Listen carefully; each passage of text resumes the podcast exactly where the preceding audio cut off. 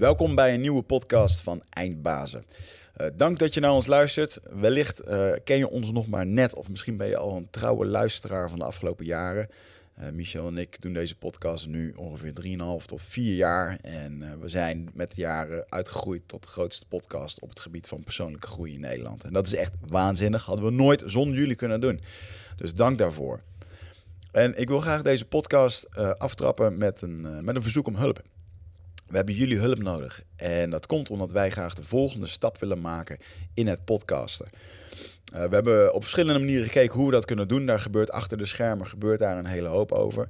En een van die dingen is ook een, uh, een technisch dingetje. Dat wil zeggen dat normaliter wij hier in de studio zitten uh, met camera's, met, ehm, met het geluid. we nemen dat op en dat wordt dan later allemaal geëdit. En uh, soms komen Michel en ik wel eens tot de conclusie van... Uh, er komt er in één keer een podcast uh, online en denken... oh ja, inderdaad, drie maanden geleden hadden we dat gesprek. Dat was een goed gesprek. En um, soms neemt dat een beetje de, de magie weg van, van het podcast. Hè? Want als je een tof gesprek wil hebben... dan willen we dat eigenlijk gelijk de lucht ingooien. En dan moet dat niet te lang wachten. Um, soms vind ik het ook wel eens vervelend dat ik dan op mijn social media enthousiast ben. Wauw, dit was een gek gesprek. En dan vragen luisteraars ja, wanneer komt het dan? En dan moet ik zeggen dat het pas over een paar weken komt. En uh, we willen het onszelf makkelijker maken. En we willen het uh, gaan doen zoals onze groot voorbeeld uh, Joe Rogan in Amerika doet. Dat wil zeggen dat er in de studio, terwijl, dat we aan het opnemen zijn, terwijl we aan het opnemen zijn, dat daar dan de beelden en het geluid wordt geëdit. En dat zodra het gesprek, gesprek klaar is, dat dan ook daadwerkelijk de, de aflevering online gezet kan worden. En dat zou betekenen dat we dus on the spot kunnen podcasten, kunnen opnemen en kunnen releasen. En dat zorgt er ook voor dat we veel actueler kunnen zijn. Mensen die medailles hebben gewonnen, mensen die hun boek uitbrengen, mensen die actueel in het nieuws staan. er zijn zo ontzettend veel redenen waarom we mensen nu uh, in de podcast zouden willen hebben. En er zijn natuurlijk veel meer eindbazen dan slechts die 52 eindbazen die we nu per, eh, per jaar doen, omdat we iedere week willen releasen. We zouden veel meer kunnen doen. Dus dat is wat we jullie willen bieden. Meer content en op een snellere manier online. En uh, het aantal gasten dat bij ons in de studio wil komen, ja, dat begint ook steeds meer uh, een groter formaat aan te nemen. Grotere namen. Dus we zitten echt te popelen om daar mee aan de slag te gaan. Maar daarvoor willen we jullie hulp vragen. We hebben daarvoor technische apparatuur nodig. Die kost 5000 euro. En we hebben de afgelopen jaren echt tienduizenden euro's in het editen uh, in de studio's. We hebben drie studio's versleten. Uh, de camera's, uh, de, het geluid.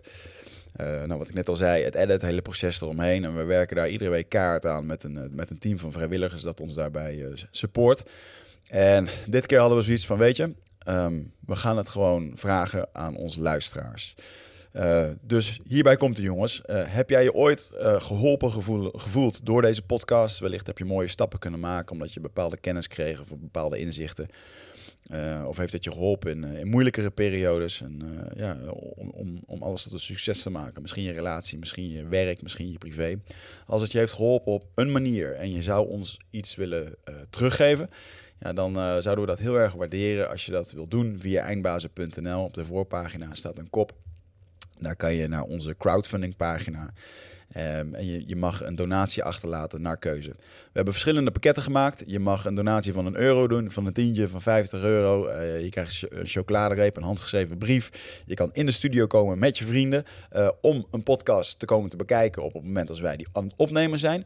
Of uh, je kan er zelfs eentje opnemen met ons. En dan kan je die zelf verspreiden op je eigen kanalen.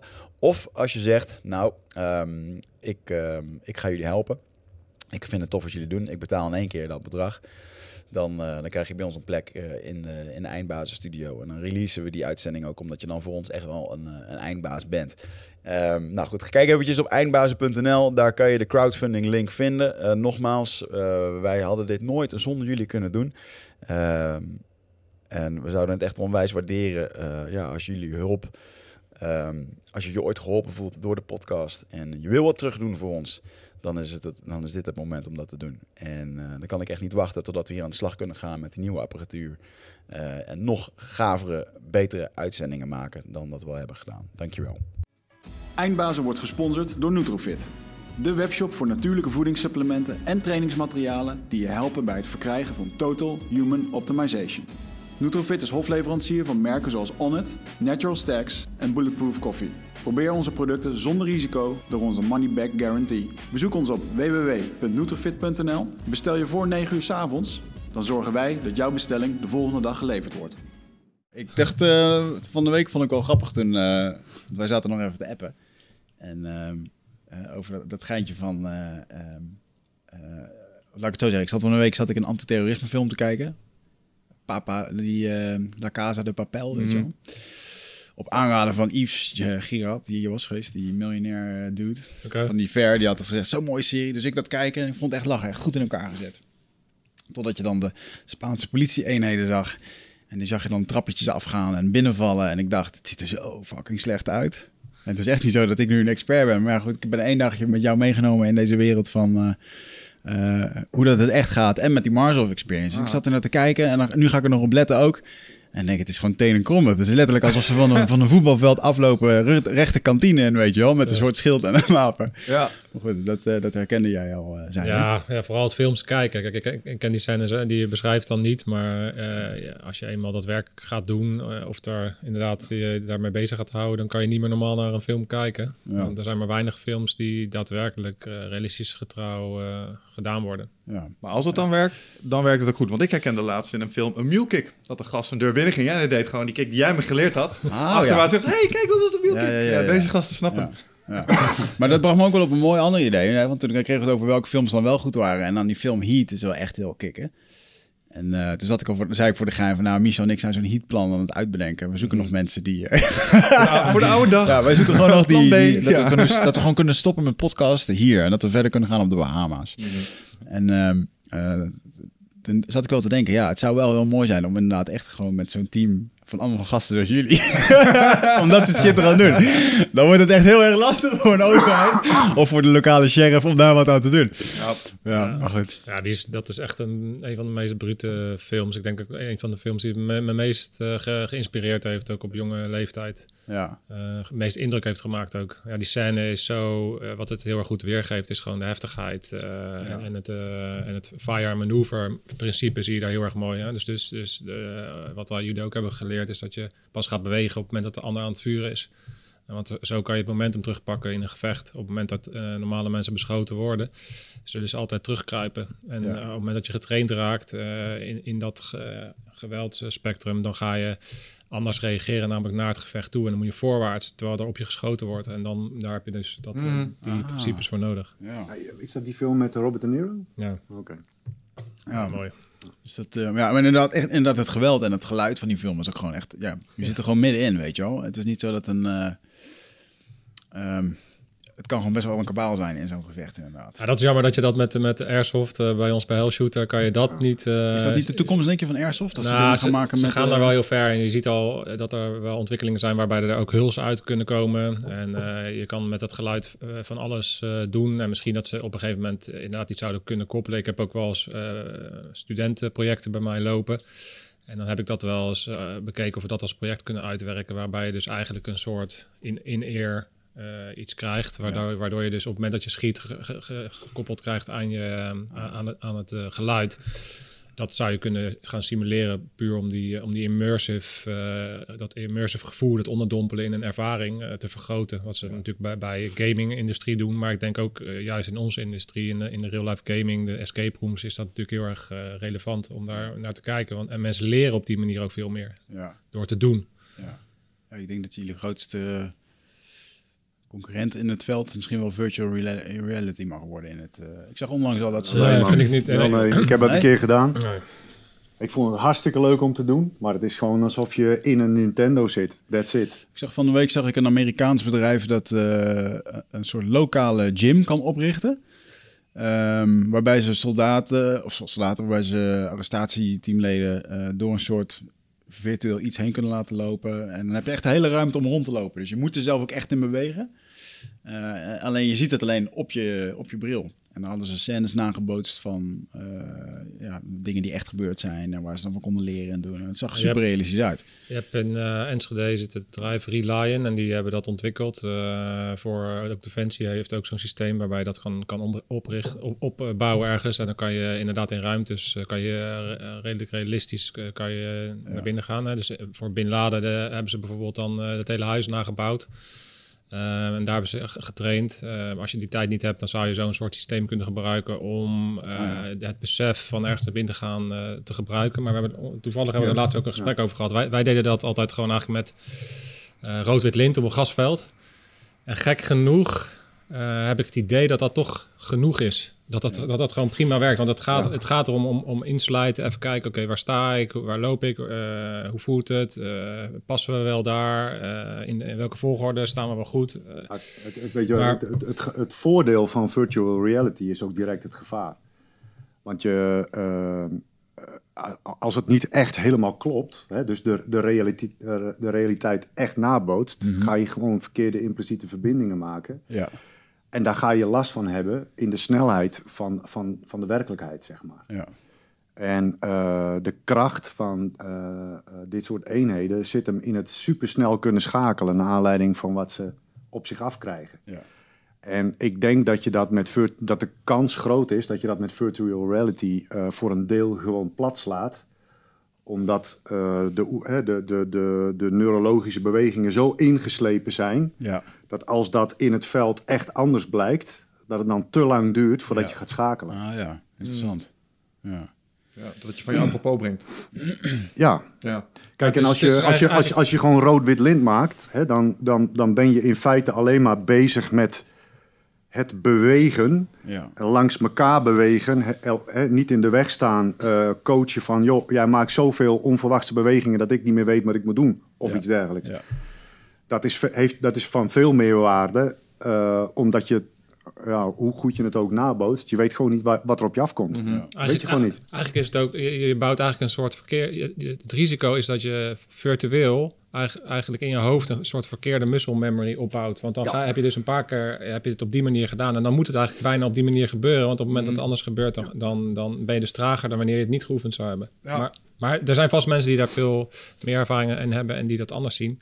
Maar vanuit onze ervaring hebben we er wel onze twijfels bij of dat nou echt een, een, een wijze toevoeging gaat zijn. Misschien wel even handig voor de luisteraars om jullie ook even te introduceren. Wie zijn deze maar- mensen? Waarom hebben we het over schieten en airsoft? En, ja. Nou, ik weet niet, Eh, de mannen van Hellshooter bij ons in de studio. Ja, degenen die ons volgen op eh, YouTube, die hebben onze experience daar gezien. Eh, de enige locatie in Nederland waar je een airsoft ervaring kan krijgen eh, onder begeleiding van voormalig eh, speciale eenheden. Heren, dan hebben we Mark, bij de bijzondere bijstandseenheid gezeten. En Jeroen, je hebt bij het arrestatieteam eh, gezeten. Dus er staat een hele hoop op de video, die moet je zeker nog even kijken voordat je dit helemaal gaat luisteren. Dan krijg je een beetje context. Maar eh, Michel en ik zijn toen een dag daar eh, getraind om, ehm, ja, wat, waar we het in het begin over hadden, om ehm, eh, normaal te kunnen bewegen op een, eh, op een televisiescherm. Dat het er ook een beetje uitziet alsof het eh, professioneel was. En ehm, eh, nou, tof dat jullie vandaag hier zijn. Jullie hebben ook je eigen podcast, Scherpschutters. Yep. Zie ik ook veel goede dingen voorbij komen. Jullie hebben veel diehard fans. Eh, en sowieso wel het wereldje van speciale eenheden slash arrestatieteams. Daar zitten veel diehard fans. Ja. Zijn ik, de best, wel- zijn ik de best bekeken video's Ja, ik het zeggen. De defensievideo's worden altijd goed bekeken. Dus ben eh, erg blij met die boys. Dus, ja. Maar die, dames natuurlijk. Maar jullie podcast gaat ook al goed, toch? We hebben wel best wel... eh, Ja, ik had, wij zijn elkaar eh, tegengekomen. eh, Anderhalf jaar terug. an- Anderhalf jaar terug. Ehm, ja, meteen eh, dikke, ma- dikke maatjes en een en al herkenning. eh, hetzelfde, uit hetzelfde hout gesneden. Ehm, en toen, ja, toen zijn, zijn allerlei dingen gaan ontwikkelen. En ik miste binnen, binnen de Hellshooter af en toe een beetje de verdieping. Ehm, en de podcast is eigenlijk een manier geweest waarop wij op een dieper niveau iets konden betekenen met hetgene wat wij gedaan hebben. We hadden allebei de behoefte om op een positieve manier eh, de unieke ervaring die we hebben op- opgedaan binnen de antiterreur en arrestatieteams te gebruiken. eh, om eh, met name een bepaalde doelgroep, en ik denk dat een heel groot deel van daar, daarvan een, een jonge mannelijke doelgroep is, die ehm, handvaten mee te geven, te laten zien hoe wij de dingen hebben gedaan, hoe wij fouten hebben gemaakt, hoe wij dingen hebben doorlopen op een heel eerlijke en laagdrempelige manier, zonder bivakmuts, zonder op de borst te slaan van kijk ons nou geweldig zijn, maar gewoon op een eerlijke manier laten zien, zo hebben wij het gedaan, zo hebben we het aange- aangepakt. En wellicht hebben jullie er wat aan als je dat pad wil bewandelen of een ander pad wil bewandelen, waarbij je de eh, beste versie van jezelf wilt bereiken. En dat is een cliché, maar ik heb in ieder geval gemerkt dat als je op die manier in het leven staat en eigenaarschap neemt, dat dat eh, ja, heel erg sterk is en dat je daar gelukkig van wordt. En dat gun ik iedereen. Ja, ja, mooi. Ik denk als je ehm, Want natuurlijk staat de Hollywood helemaal vol met allemaal films en, waanideeën. Want wij kwamen ook met waanideeën binnen van wat, wat dan echt is of wat hoort. En eh, ik denk zeker voor de jongeren. Ik weet nog toen ik zelf aan het zoeken was, of ik naar mariniers wilde of naar de commando's of wat dan ook, dat ik, dat ik eigenlijk in een soort fantasiewereld voor mezelf leefde. Hoe dat, dat dan zou zijn. Ja. Ehm, terwijl er was toen nog gewoon niet zoveel informatie over. Behalve je had nog van die, je had nog van die winkels waar je heen kon, van de landmacht en zo, weet je wel. Of Ja. van de marine. Eh, maar ik denk wel dat het heel erg goed is om, ehm, eh, om mensen een reële kijk eh, te geven in het wereldje. Want één ding wat me bij is gebleven van het gesprek wat wij toen hadden, Jeroen. En daar verbaas ik me nog steeds over, is dat jij hebt bij het arrestatieteam in Amsterdam gezeten, regio Amsterdam. En jij vertelde me dat, dat je af en toe 500 invallen per jaar had. Zeg ik Ja. dat goed? Ja. En dan denk ik, we wonen in Nederland. Waarom vallen wij 500 keer in de regio Amsterdam in? Wat gebeurt hier allemaal dat wij niet weten of dat we niet zien? Nou, die, die, die regio die is eh, heel groot. Wij- waren verantwoordelijk voor, eh, zeg maar, eh, grofweg gezegd, de, de hele provincie Noord-Holland. Nog een stuk van de provincie Utrecht en Zuid-Holland, zeg maar. Dus die regio die was veel groter. En eh, eh, je wordt natuurlijk vaak ook ter assistentie geroepen door, eh, door andere arrestatieteams in, in, het, in het land als die Ja. al aan het werk zijn en er komt weer wat binnen. Dus ja, dat is, ei- eigenlijk moet je zien dat is landelijk. Ja. Ehm, en ja, het grootste deel gewoon in die regio. Ja, en, en het is ook niet allemaal even spectaculair. Eh, als er een bepaalde gevaarsclassificatie op een klus is, dan word je eigenlijk ter ondersteuning van de, van de reguliere politie wordt je ingeroepen Ja. eh, om te assisteren. Dus het is ook niet altijd even spannend. Het, is niet, Nee. eh, het, zijn, het, zijn niet... eh Zou- zou je dat zeggen- 1% eh, Hollywood waardig is en de rest is gewoon routine. Gewoon wachten.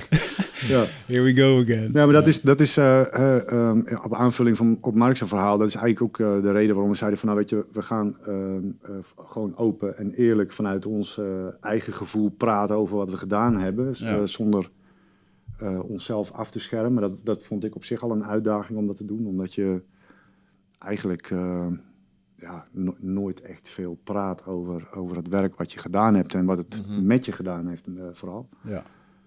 En ook om die, die mystieke Hollywood-achtige eh, eh, eh, beeld wat te veranderen. Hè? Als je kijkt naar... Ik zit nu in de jeugdzorg. Fortnite, super populair. Men, die, jonge mensen denken dat dat werkelijkheid is. en, en, en alles wat er buiten hun in, in, in het echt gebeurt is bijna fantasie. En daar zijn Ja. ze bang voor. Ja. ja. En, en, het is natuurlijk eh, eh, in spellen, Call of Duty, noem ze maar op. Het is allemaal fun. Het is allemaal leuk. Eh, bijna romantisch. Mhm. Films, geweldig. Bijna altijd de hero wins. En aan het einde is het toch mooi. ja. Nou, dat is gewoon niet zo. Nee. Want wat, wat is wel de realiteit als, er, als je in actie moet komen? Nou, die, de, de realiteit is dat het gewoon eh snoeihard is. En dat het eh, in een mum van tijd een gevecht op leven en dood kan zijn. Ja. En dat stinkt. En dat, eh, is, dat, dat is lawaaierig. En ehm, eh, dat is chaos. En in die chaos moet je functioneren. Ja. En, en, en, en ehm, ik, ik, onze laatste podcast was met, met Sander Aarts, die, eh, die het boek Unbreakable geschreven, of eh, Onbreekbaar eh, Niet te breken. niet te breken eh, geschreven heeft. En nou, die, die heeft een, een, een hoop shitload meegemaakt in zijn eh, operationele carrière. Als je hem daarover als mens hoort praten, dat is alles behalve romantiek.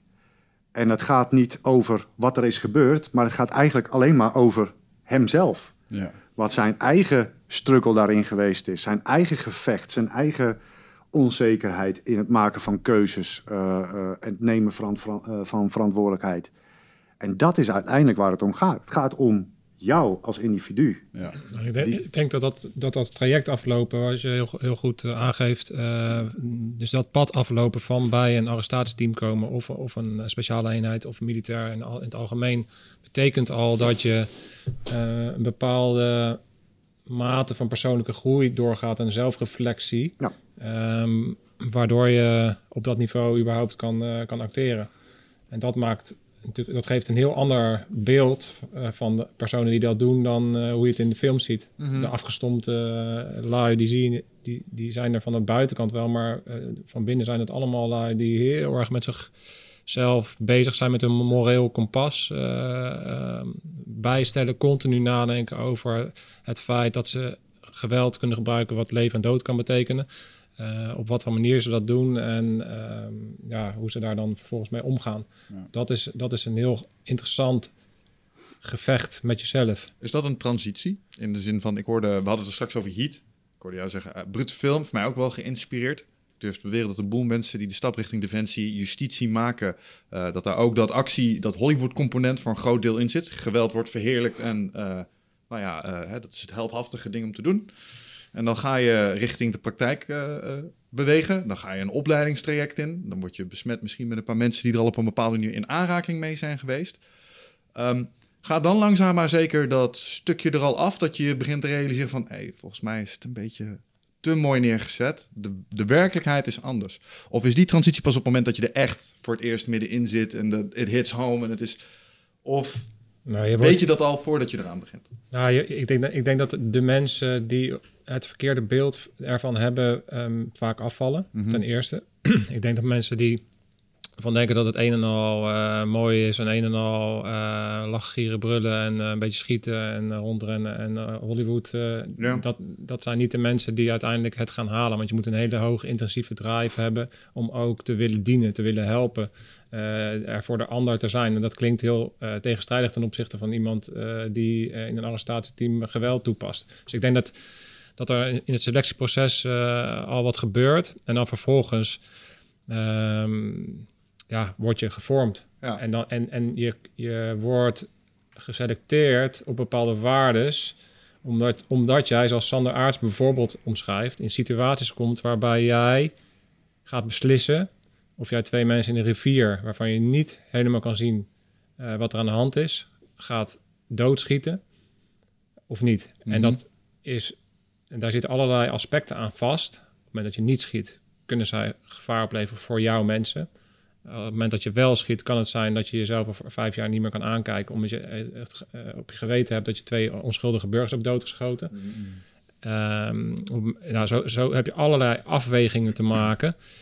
En om op dat niveau te kunnen komen, om dus aan, aan de trekker te hangen van een dergelijk systeem, een tool om een bepaald middel te bereiken, dat is hoe wij een wapen zien, dan moet je een heel lang proces doorlopen van waarop jij zo erg in balans bent als, als uh, persoon, zo stabiel bent mm -hmm. in, uh, in, in, hoe je in elkaar zit, dat je dat dus kan. En dat, dat, dat ja. geweldsmiddel toevertrouwd kan worden. En dat neemt Defensie of Justitie, en nemen ze dat heel serieus in een opleidingstraject. Duidelijk. En, en dat zorgt dus voor die intrinsieke motivatie die je nodig hebt om überhaupt daar te kunnen komen en het werk uit te voeren. Hm. Daar heb ik over nagedacht. Uh, want ik denk, wat motiveert mensen nou die uh, arrestatieteams, antiterreur, ede ingaan? En dan, ik kwam op een lijstje zeg maar, van dingen. En ik ben even benieuwd waar die bij jullie zat. Ik denk dat het iets van een roeping kan zijn. Het kan vanuit een soort uh, behoefte om het vaderland misschien te dienen. Een soort van plichtsbesef kun je hebben. En ik had nog opgeschreven, het is het actie-adrenaline component waar je op uit bent. Maar de, de, de, ja, dat was een beetje waar mijn gedachtenstroom stopte. Hoe zat dat voor jullie? Nou, ik denk een combinatie uh, uh, van alles. Hmm. Ik, ik had al meteen zoiets van, nou, dat... Uh, laat ik zo zeggen, ik was heel erg op zoek naar ehm, een, een, een, een, familie. Iets waar mensen uh, uh, om je geven en trots op je zijn. En uh, ja, dat, dat heb ik daar gevonden. En gaandeweg, laat ik zo zeggen, ik heb eigenlijk altijd het, het, het gevoel gehad dat ik het uiterste wilde bereiken. Zo, zo, ver, komen, zo ver mogelijk komen. Mm -hmm. En uh, ik was bereid om daar uh, heel veel voor, uh, voor in te leveren.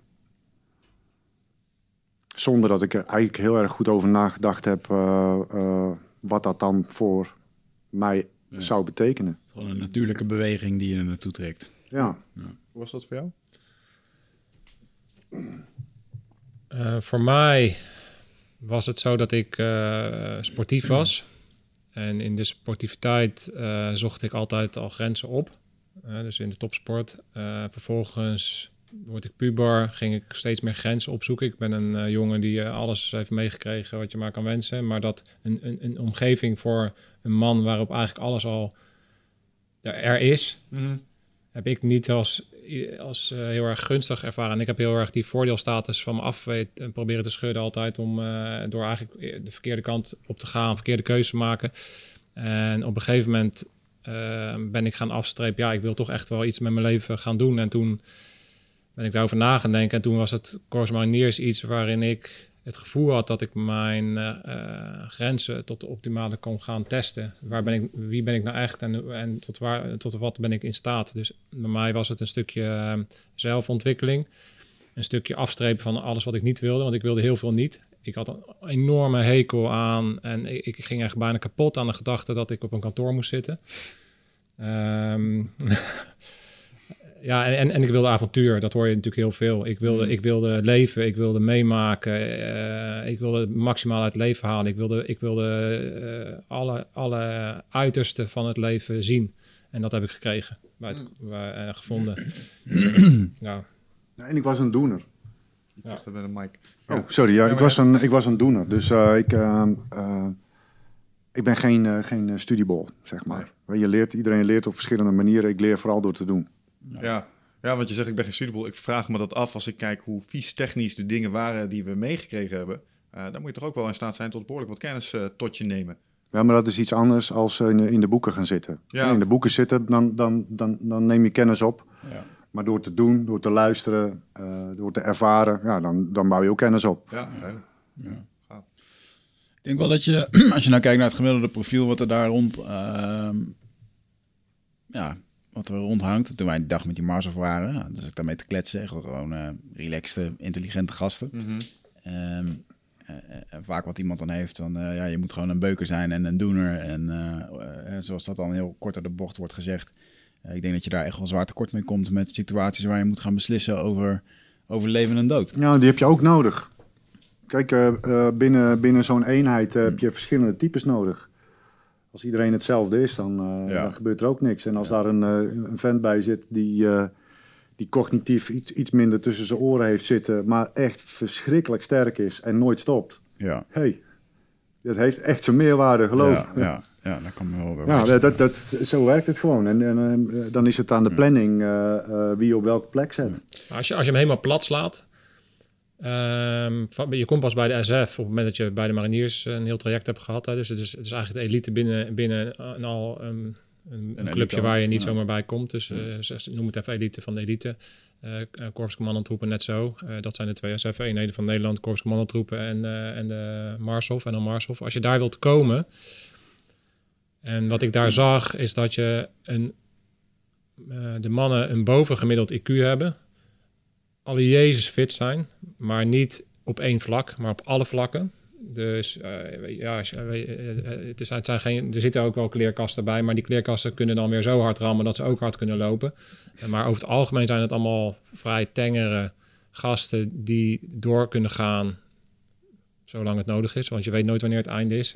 Dus fysiek heel sterk en een boven, bovengemiddeld IQ hebben. Vervolgens zijn ze, is de grootste angst die iedereen daar heeft, is om dingen te missen en om eh, niet het optimale uit hun leven te halen. Dat is, dat is echt iets wat al die gasten hebben, want anders kom je daar niet. Ja. En dus er, zit een soort intrinsieke uberdrive in. Het is ook de enige plek waar ik gewerkt heb, waar ik eh, mensen moest afremmen. Mhm. Waar, waar, waarbij je soms gewoon echt mensen eh, moet tegenhouden omdat ze gewoon alleen maar voorwaarts willen. Voorbeeld?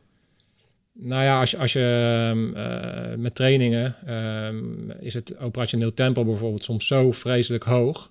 eh, dat als jij daar niet. ehm, ik was dan ook eh, officier, dus ik had ook op een wat breder niveau de leiding.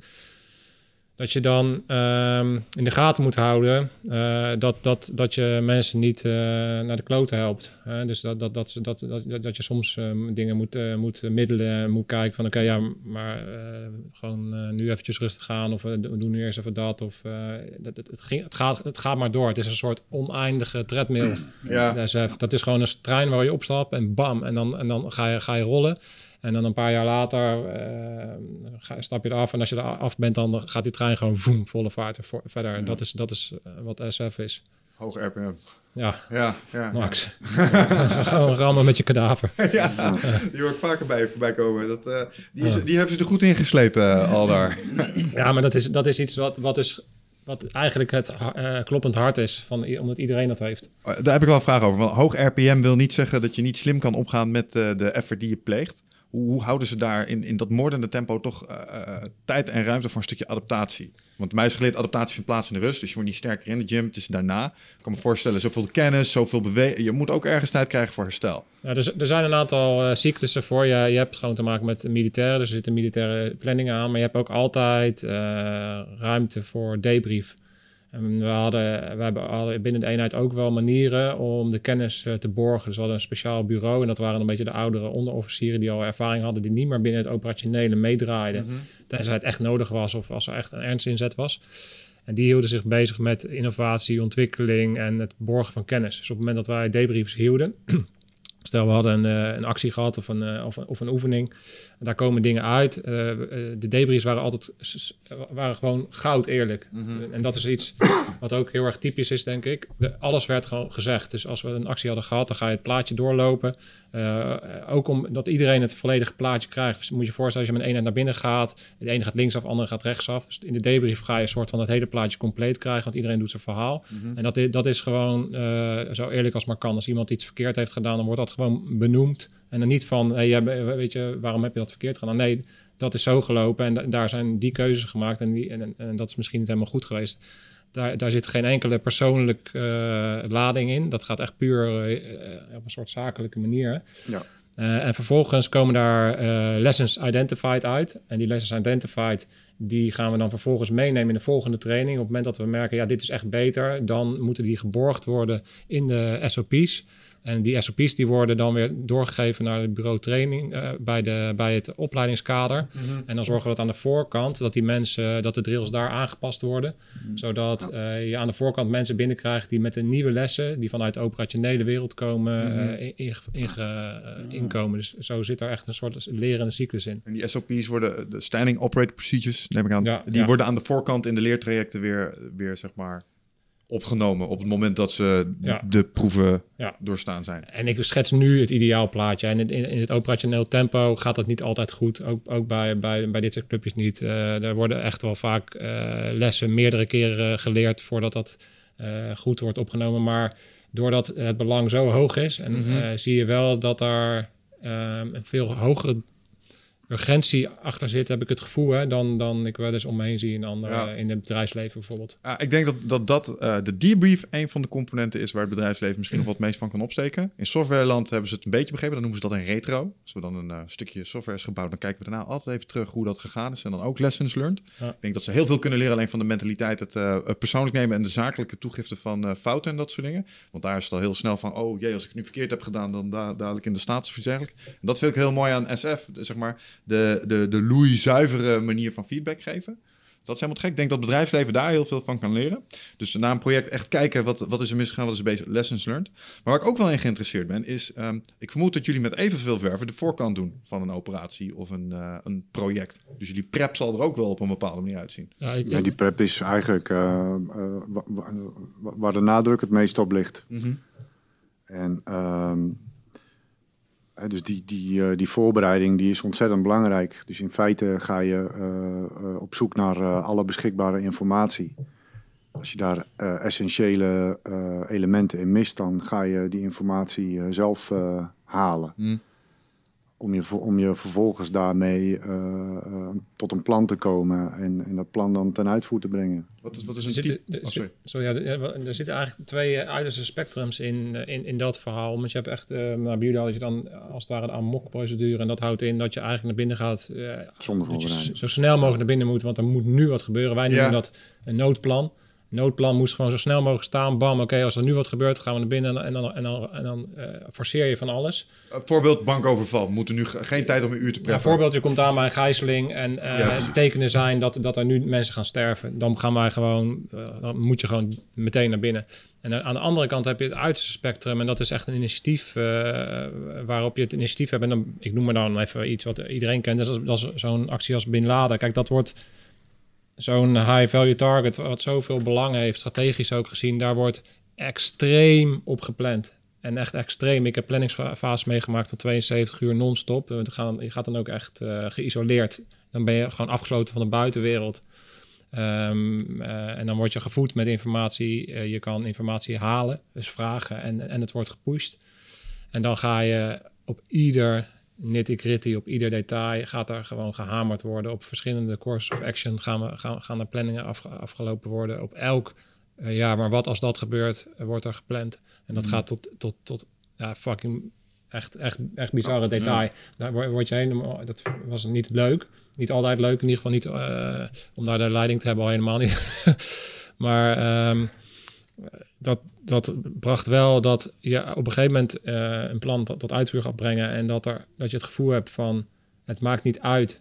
Dus de externe wereld maakt niet meer uit, want wij zijn intern overal gereed voor. Mhm. Kun je, kun je me een klein beetje meenemen tot op welk eh meticuleus niveau er dan geprept werd? Gewoon om even een indruk te geven, oh jeetje, ik kan me voorstellen dat dit wel, eh, wel pittig is. Je kijkt gewoon naar alle mogelijke eh, eh, bewegingen en, en hiccups in, in, in het traject naar, eh, naar eh, eh, een target toe. Mhm. Wat als dit gebeurt, dan dat. Wat als dat gebeurt, dan zus. En, en ja, nou, verzi- eh, eh, als je Ja, daarover na gaat denken met elkaar, dan, Ja. kom, dan komen daar misschien wel eh, Ik, ik, 50, projecteer, ik 60. projecteer hem even op onze hellshoot ervaring die we hebben gehad. Wij Ja. zijn eh, onderweg naar eh, zo'n eh, gebouw daarboven. En uh, Wig en ik hebben nul briefing gehad. Maar stel, we zouden een briefing hebben gedaan om dat eh, pand door te gaan. Is het dan zo dat we de plattegronden kennen en zeggen... oké, we gaan hier straks die bocht om. Stel, er staan er hier twee. eh, dan openen we direct vuur. Eh, stel niet, we gooien flashbang. Eh, stel, ze staan er niet, we staan bij de deur. Dan is het, is het tot op dat wat als? Als je, als je het op die manier plant, dan, dan eh, gaat het er niet meer om dat je de, dat je de, de plattegrond kent. De plattegrond, die, dat ben jij. Oh, Hmm. Dat klinkt heel, heel eh, raar of zo, maar je, de planning gaat zo van zo groot naar zo klein, eh, dat op het moment dat wij een, je gaat eigenlijk kijken, oké, naar de omgeving. Het enige wat we gaan doen is situation awareness opbouwen. Oké, wat zien wij in de omgeving zonder te oordelen? Ga je kijken, oké, we zien dit, we zien dat, we zien zus, we zien zo. En daarna ga je pas kijken naar je opdrachten. Dan vervolgens ga je alles wat in het terrein is, ga je, ehm, ga je daar de waarde van in, in, inzien. Dus eh, om het concreet te maken, dan pas wordt het belangrijk van... hé, hey, daar is een dak en daar is een dak. Hey, daar kunnen misschien eh, mensen neerleggen die observatie hebben. Eh, wat voor ingangen zien we? Eh, welke ingangen ehm, kunnen we naar binnen? Welke ingangen zijn het meest eh, most likely to, eh, om gebooby-trapped te zijn? Ehm, ja, dus, dus, dus op het moment dat je daadwerkelijk die en dat wordt steeds gedetailleerder. Dus op het moment dat jij die planning, die actie inderdaad ingaat, dan heb jij dat eh, hele pand al eh, gewoon eh, helder. Ja, Dus jij, jij weet al lang, op het moment dat ik op de trap sta en er komt een handgranaat naar beneden, wat je dan gaat doen. Je weet ook op het moment dat, dat, dat er een deur dicht zit, wat je dan gaat doen. Je weet, nou ja, alle scenario's die er maar zouden kunnen gebeuren. Bijna alle scenario's, ik denk dat het onmogelijk is om alle scenario's, maar bijna alle scenario's die heb jij al een keer doorlopen. En daar heb je over nagedacht. Dus op het moment dat het, dat het komt, dan, dan zal je misschien net die halve seconde sneller handelen dan als je er niet over na had gedacht. Ja. En hoeveel daarvan moet nog eh, on the spot worden bedacht? Want ik, ik denk dat als je het probleem eh, handgranaat komt trap af, dat heb, je, dat heb je in meerdere situaties misschien wel eens bedacht. Zijn er dan standaard protocolletjes die je uitrolt? Ja, dus, dus sommige dingen gaan heel snel. Sommige Ja. dingen zijn gewoon, oké, bam, bam, bam, het risico. Sommige dingen hoef je ook niet te doen. Er zijn ook situaties waarbij je al weet dat bepaalde eh, criminelen niet de beschikking zouden hebben over bepaalde middelen. Dan hoef Ja. je over daar, daar misschien al niet meer over na te We denken. hebben geen bazooka's. Bijvoorbeeld, ja. Dus dan hoef je, hoef je dat scenario niet meer, niet meer mee te nemen. En, en scenario's eh, die je wel eh, meeneemt, dat noemen we dan inderdaad SOP's. Dus dan, dan wordt ook wel eens gezegd, oké, die situatie SOP, SOP, SOP. Dan hoeven we daar niet meer over na te denken. Want iedereen weet al dat als je een kamer binnenloopt en er staat iemand met een bomvest, wat je dan doet. Ja, En daar hoef je dan niet meer nog langer over na te denken. Behalve als er afwijkingen zouden kunnen ontstaan die eh, heel specifiek zijn voor die situatie. ja, ja, ja. Dus de, en, en die, die SOP's die worden eigenlijk gedrild tot en met. Dus het maakt niet uit Ja. wanneer jullie in een kamer worden gezet met iemand met een bomvest. Dat, Dat- is tak, daar hoef je niet eens meer over na te Dat is denken. opleiding. Exact. Ja. Ja. Zit jij eh, vaak in je hoofd? Eh, neem je heel veel informatie tot je video's, podcast, boeken?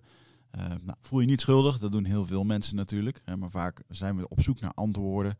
Ehm, gaan we nog meer informatie tot ons nemen, terwijl ja, de antwoorden liggen toch echt in onszelf. En dat is iets wat we voelen met ons lichaam. Maar vaak zijn we zo erg in ons hoofd bezig ja, dat we dat ook niet meer, dat we daar niet meer echt goed bij kunnen. En dat is graag waar ik je voor uit wil nodigen. Voor Rite of Passage. 24, 25 en 26 mei is er weer een nieuwe editie. Voor mijn retreat voor persoonlijke ontwikkeling. Waarbij het thema echt is om uit het hoofd te komen in dat lichaam. Want dat is waar je alles ervaart. En ik wil dat je gewoon weer in contact komt met, met die, die intuïtie. Ehm, en dan gewoon een heel sterk uh, innerlijk kompas. Dat je gewoon weer weet waar je naartoe moet, wat je te doen staat. En dat je gewoon weer helderheid hebt over wat je wilt en hoe dat je dat gaat doen. En dat doen we middels uh, bio-energetische oefeningen, dynamische meditaties, een stuk shamanisme zit erin. Het enige wat er bekend is van het programma is dat er een zweethut in zit. Uh, en natuurlijk gewoon hands-on persoonlijk leiderschap.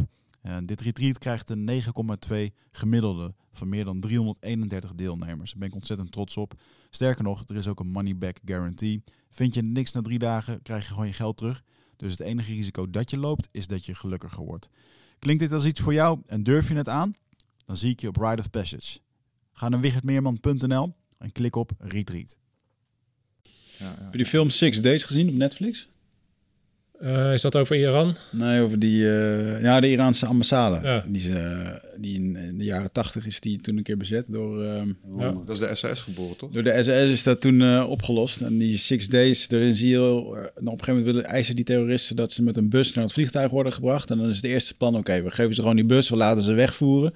En dan vallen we later die bus binnen op het moment dat ze op het vliegveld zijn. En dan zie je ze eigenlijk gedurende die film, want ik geloof dat die, het duurt bijna zeven dagen of zo, die gijzeling. Waarschijnlijk Zes, zes, dagen. zes dagen, anders heet de film geen Six Days. maar ehm, eh, dat ze continu de bus aan het eh, oefenen zijn. Dus hebben ze gewoon een uh, afgeschermde locatie waar ze zo'n bus hebben. En dan vallen ze denk ik 30 keer die bus binnen op verschillende manieren. En dan zie je ook zijn instructeur eh, achter op de stoel zitten met nog een, een keer met zijn pistool. Ja, ja. Van, ah, nu was je dood geweest. Opnieuw, weet je wel. Tot, tot, tot het vervelende toe. Ja, zo gaat dat. Dan gaat het echt.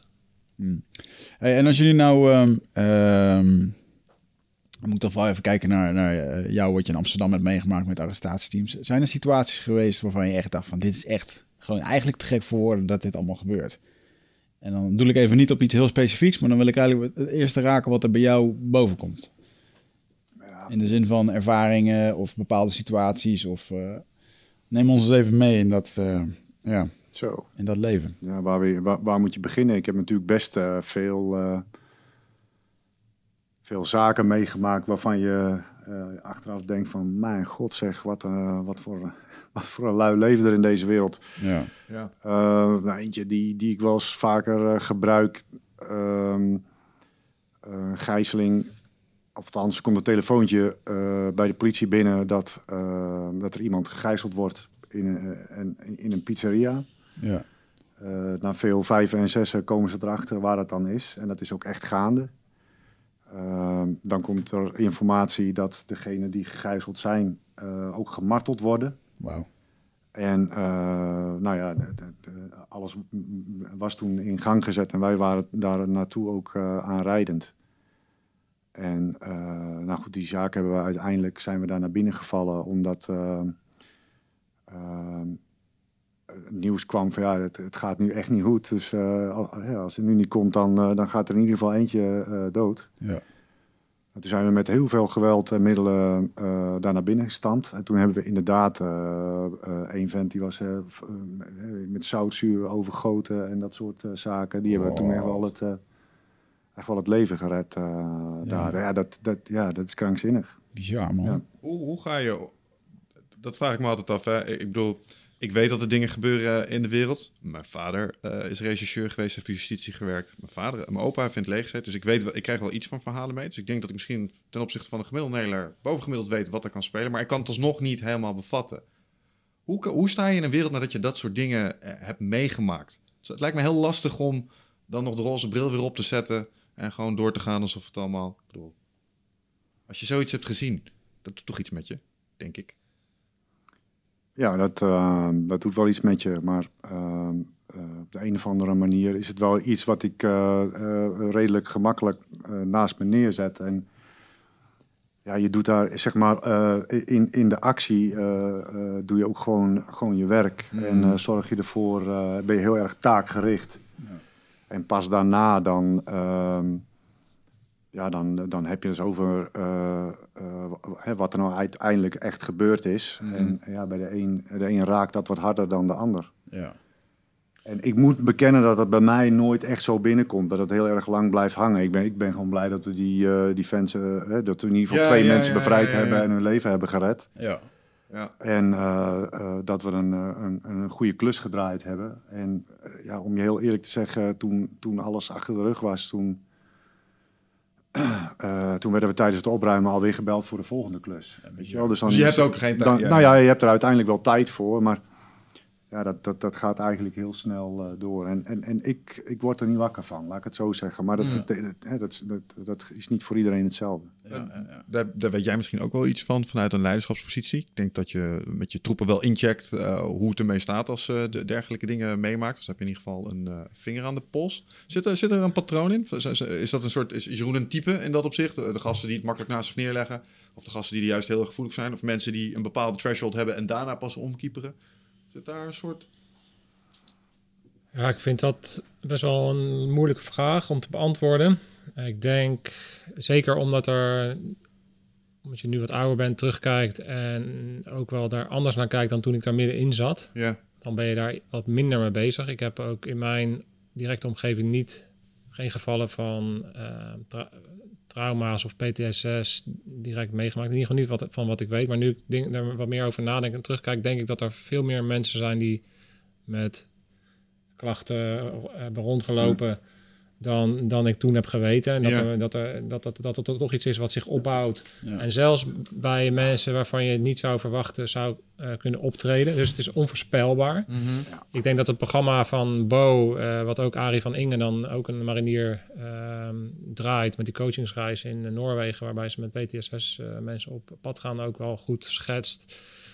Is dat het zo verschillende soorten incidenten kunnen zijn, verschillende soorten achtergronden kunnen zijn van, van mensen die daar uiteindelijk last van gaan krijgen van waar, wat ze hebben meegemaakt. Ja. Het zit hem natuurlijk in de intensheid, de heftigheid van, van, van de situatie zelf. Ja. Maar ik, ik ken dus ook mensen die, zoals Jeroen, die hele heftige dingen hebben meegemaakt. ehm, zonder dat ze daar last van hebben. Dus, dus de heftigheid is, is maar één factor.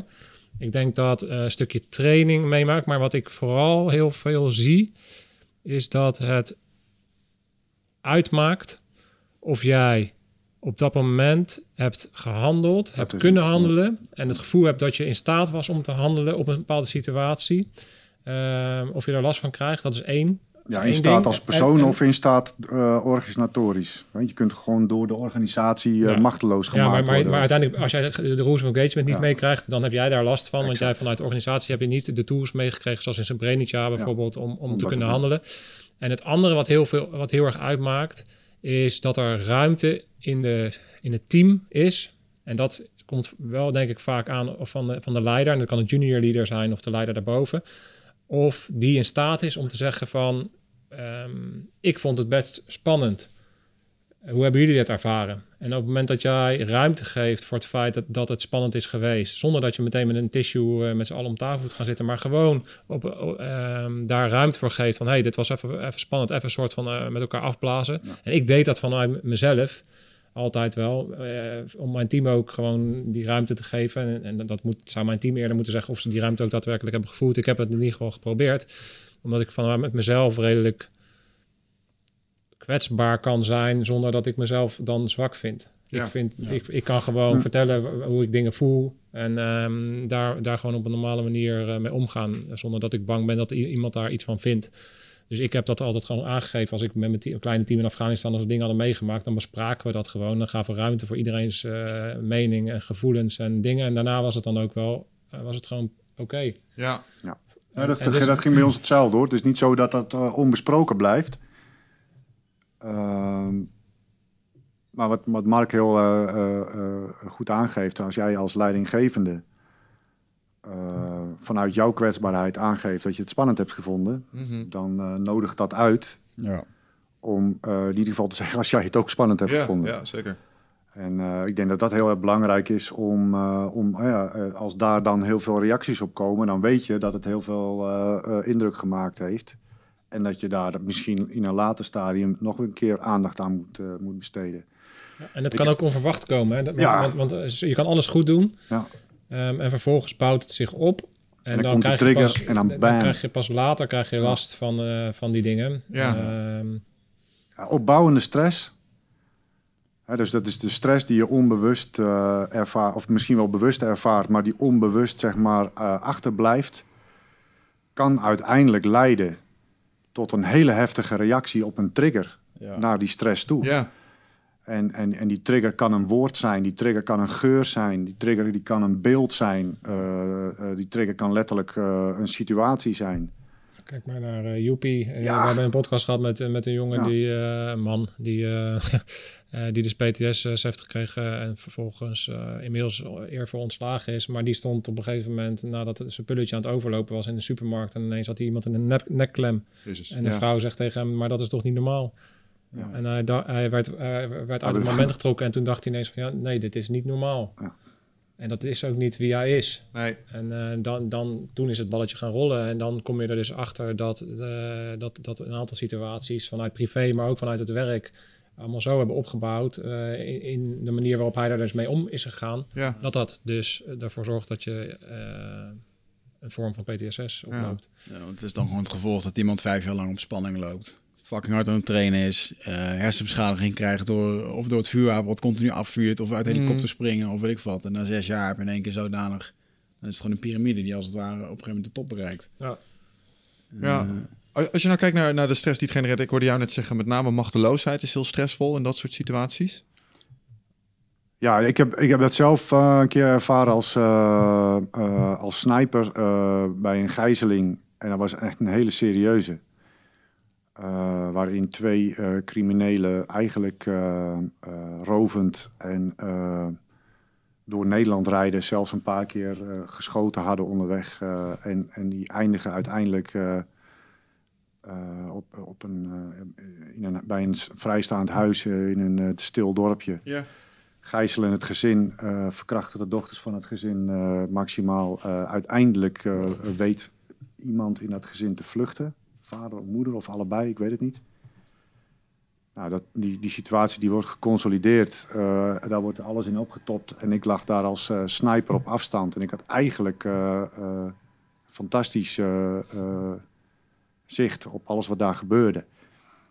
Eh, moest mijn vuurpositie ook dusdanig inrichten dat ik tot een gericht schot komt op, op verschillende posities in, in die woning.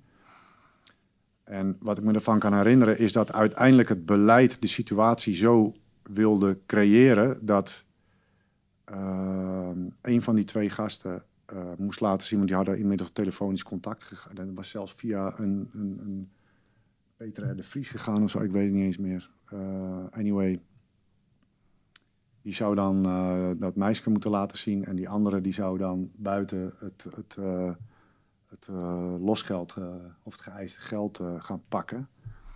En op het moment dat die vent dat dan ging pakken, dan zou de hond die, zou die, die vent grijpen. en, en, en als er een levensbedreigende situatie aan de bovenkant was, dan moesten wij die vent achter dat meisje wegschieten. Ja. Dat was zeg maar de situatie. Nou, gaandeweg hoor je dat die, die, die, mensen, die, die, die meiden die daar binnen waren, die werden, die werden gewoon continu verkracht door die lui. Nou, als je daar dan, daar, daar dan naar kijkt, je ziet die bewegingen, dat is zo frustrerend. Zo, dat, je kunt niks. Ja, je kunt alles, maar je mag niet. Ja. Eh, daar, heb je, daar heb ik, zeg maar, op dat moment had ik daar geen last van, omdat je heel erg gefocust bent op je taak en wat je moet doen. Eh, en, en eigenlijk probeert om zoveel mogelijk en zo goed mogelijk informatie door te geven richting het beleid. Om daar de juiste keuzes in te maken. Want daar komt alle info en jij ziet alleen maar dat. En eh, rondom dat pand zijn natuurlijk van allerlei bewegingen gaande om te proberen zo snel mogelijk eh, die situatie daar eh, op te kunnen lossen. Zonder dat die, die dames eh, in levensgevaar komen. Dat was super frustrerend. Achteraf gezien heb ik daar, ben ik daar heel boos over geweest. Ja. En juist door, dat, door die boosheid te delen, eh, kom je, eh, eh, bespreek je dat. En, en, en doordat je dan ook andere, vanuit andere richtingen hoort hoe dat dan werkt, kun je dat voor jezelf wel verwerken. Ja, weet je wel, je bent dan een radartje in het systeem. Ja. En, en, en, en dat radartje is ook een mens en heeft ook emoties. En ja, dat, dat moet je dan kwijt. Wat was er gebeurd als je zelf actie had ondernomen? Dan was jij... Nou ja, kijk, de- de- je weet dat dan de, de, de situatie aan de binnenkant is voor mij niet te overzien. Nee. Hè, Ik heb een paar eh, eh, ramen waar ik doorheen kan kijken en waar ik, waar ik een goed schot kan afleveren. Dus dat lukt wel. Ja. Maar als ik maar één zie en ik weet dat er nog... En, en misschien zijn er wel drie, weet jij veel, Ah, snap ja, je? Dus ik kan niet overzien wat er aan de binnenkant gebeurt. Dus ik kan daar, ik kan daar alleen ook geen beslissing in nemen. Nee. Je bent een onderdeel van een team. Ja. En je ziet, je ziet in deze situaties een klassiek eh, voorbeeld ook van de vredesmissies, bijvoorbeeld begin jaren 90 toen dat op is gelopen. Bijvoorbeeld in Srebrenica, wat daar mis is gegaan, is dat er zoveel schijven zijn, waardoor eh, de besluitvorming eh, het probleem oplevert voor de operator eh, die Mhm. daar ligt achter het wapen. Ja, Hè? Dus, dus dat, dat kan op, zo, op zo'n situatie frustratie opleveren. Omdat ja, die schijven ervoor zorgen dat soms situaties anders lopen dan dat de operator in dit geval dat had gewild. Dus daarin zie je dat dat ja, is gewoon. Ja, en, en in Nederland is het natuurlijk een, een, is het een, een, een heel, eh, er moet een heel circuit afgelopen worden voordat er toestemming gegeven wordt om Mm. eh, als scherpschutter überhaupt een schot te kunnen geven. Mhm. Hè, dat gaat volgens mij zelfs, nou, eh, ik, ik weet niet zeker meer of het nou de hoofdofficier van justitie is of zelfs de minister van justitie die daar iets van moet vinden. Ja. En dat, daar- ja, daar gaat tijd overheen. En dat kan natuurlijk best snel. Maar ja, dan nog, dan moet je het moment dat je dat echt gaat doen, moet je goed, goed voorbereiden, goed bespreken en goed coördineren. ja. Kan best snel gaan, maar ik denk dat het eh, in sommige tactische situaties gewoon echt niet snel genoeg gaat. Dan, moet Maar dan gaat het nooit snel genoeg. Want jij ziet moet, het. Het, en- moet en- dus, eh, het moet dus echt laag. Eh, dat is ook de les geweest. En dat is nu echt wel verbeterd als je naar vredesmissies kijkt. Maar dat, dat geldt voor alle, alle acties. Ehm, en daarom, moet je ook, daarom is het ook... De human capital van SF is zo moeilijk te verkrijgen. En daar zijn zulke lange trajecten voor nodig... om die mensen op dat niveau te krijgen. Omdat je dat... ehm, die beslissing van het geweld toepassen... zo laag mogelijk in de keten wilt hebben. Ja, Ja. En dat weten we inmiddels wel, maar dat is niet altijd mogelijk. Nee. Maar daarom heb je dus mensen nodig die dat kunnen. Het is wel bizar hè, dat je gewoon eh, even door de ogen van die criminelen die dan in het huis zitten, dat je onder zoveel stress, dat je weet dat je helemaal omsingeld bent, je, je weet dat je in de gaten wordt gehouden. Eh, je bent dan op onderhandelen en ondertussen bedenk je ook nog eventjes dat je iemand kan gaan verkrachten. Hoe kan je überhaupt in zo'n situatie nog je pik omhoog krijgen, denk ik dan, weet je wel? Nou ja, die je lui die zitten volgens mij eh, zijn ze zo, Helemaal, eh, zo, do- zo doorgedraaid eh, als de pest en eh, zitten natuurlijk eh, Ja. vo- eh, volledig onder de drugs. Dan heb je toch echt een, eh, met, een, met een ander niveau Nee, die zijn Mens- gewoon pathologisch. bewust, bewustzijn of gewoon gekte te maken. Ja, dat en ik daar moet je inderdaad wel, eh, dat heeft mij, ja, dat triggerde me dan ook om bij die Marvel als terrorist daar eens een keer te gaan staan. Wat, hoe voelt het nou om daar dan te staan? Volgens mij hebben die mensen die daar staan een heel ander besef van de wereld. En dat is wel echt het, eh, eh, ik blijf dat toch fascinerend vinden. Dat zo, ja, je moet er maar naar binnen vallen naar zo'n gast. Hè? Of, of naar binnen vallen en dan weten dat dat soort gasten daar staan. Nou, je hebt geen schijn van kans. Nee, maar ik denk dat er ook iets stuk moet zijn in het hoofd eh, om, om zeg maar dergelijke risico's te, no- eh, te nemen. Want voordat ja. jij en ik op zo'n rampage gaan, hebben we ook wel bedacht dat dan dit soort boys achter ons aankomen. En dan zitten we niet op te wachten, want we weten dat we dat niet gaan redden. En ik denk dat als jij dat wel doet, dan eh, is je risico inschattend vermogen daar blijkbaar niet helemaal in orde. Ja. Eh, of je bent suicidaal, maar ergens loopt er iets niet helemaal goed in je. Ja, of je hebt gewoon Ik weet, ik, weet, ik weet niet of ik daar 100% mee eens ben. Ik denk dat er heel veel gevallen zijn dat, dat, dat het inderdaad is dat er wat stukken in zit. Maar ik vind het zo interessant. Jullie hebben ook Jordan Peterson hier gehad. En die vindt dat hij daar heel, heel erg interessant over hoe hij daarover denkt. En dat is meer dat eigenlijk dat je zult dat het heel eng is om te weten dat er heel veel mensen zijn die tot de dergelijke dingen toe in staat zijn. De situaties daar naartoe drijft, zeker Ja, met, ja dus, dus die donkere kant eh, van de mensheid, die zit, die zit er. En die, die zie je overal. Die hebben wij wat meer gezien dan de gemiddelde mens. Ehm, maar dat, eh, dat, dat betekent echt niet dat iedereen die dat doet altijd ehm, dat er iets stuk is. Maar dat, dat die een pad eh, bewandeld hebben Ja. in eh, hoe zij met dingen zijn omgegaan. Waardoor zij uiteindelijk het voor zichzelf eh, kunnen... Nee, ik snap het. Maar dan hebben ze ergens een tik van de molen gekregen door hun omstandigheden, Ja. het systeem of wat dan ook. En dat heeft hun perceptie van de realiteit een tik mee. Ze zijn verbitterd geworden om in termen van Peterson ja, te spreken. Ze zitten in de onderwereld. Ja. I get it. En het is in, niet in alle gevallen hun schuld zelfs. En daar kun je ook dingen van vinden. Nou, daar, daar, daar, in zo'n geval zou ik me daar niet mee bezighouden. Maar de reden dat ik dat zeg is omdat ik, ik altijd wel geleerd heb... is om je vijand nooit te onderschatten. En Mhm. daarom noem ik ze ook nooit gek. Maar ben ik altijd benieuwd van wat zit er nou daadwerkelijk achter? Omdat je een van de belangrijkste dingen is als je in deze business zit... is natuurlijk om eh, je vijand te, te begrijpen. Want hoe beter je je vijand begrijpt, hoe beter je die kan verslaan. Ja. En, en als je, oké, daar heb je dan blijkbaar wel eens over, wel eens over nagedacht. Nou, laten we het nog even in de Peterson-termen, eh, het Peterson-termen houden. Wat denk je wat het dan is als je kijkt naar eh, mensen die in die situatie terechtkomen waarbij ze met jullie in aanraking komen? Is dat dan alle tijden ehm, geldelijk gewin, dus hardcore criminelen die het, eh, waar een professioneel aspect in zit? Of zijn het ook wel eens echt mensen die verbitterd zijn geraakt en zoveel mogelijk schade proberen te brokkenen voordat ze naar de andere kant gaan, bij wijze van spreken? Is dat een, eh, zit, Ja. daar een bepaald allebei. patroon in? Kan, allemaal, kan allemaal, dus ja, kan allemaal. Ja. Ja. Kijken maar naar, naar, de, naar ISIS of naar Taliban. Of dat zijn echt niet allemaal eh, de mensen zoals ze in de media worden voorgeschoteld. Daar zitten hele. eh, zit, zit er waarschijnlijk heel veel mensen tussen die best wel de dingen op een rijtje hebben in hun hoofd. Ja, ja. Ehm, En eh, van, vanuit een bepaalde ehm, achtergrond en gedachten die dingen doen. En er zitten, maar er zitten ook mensen bij.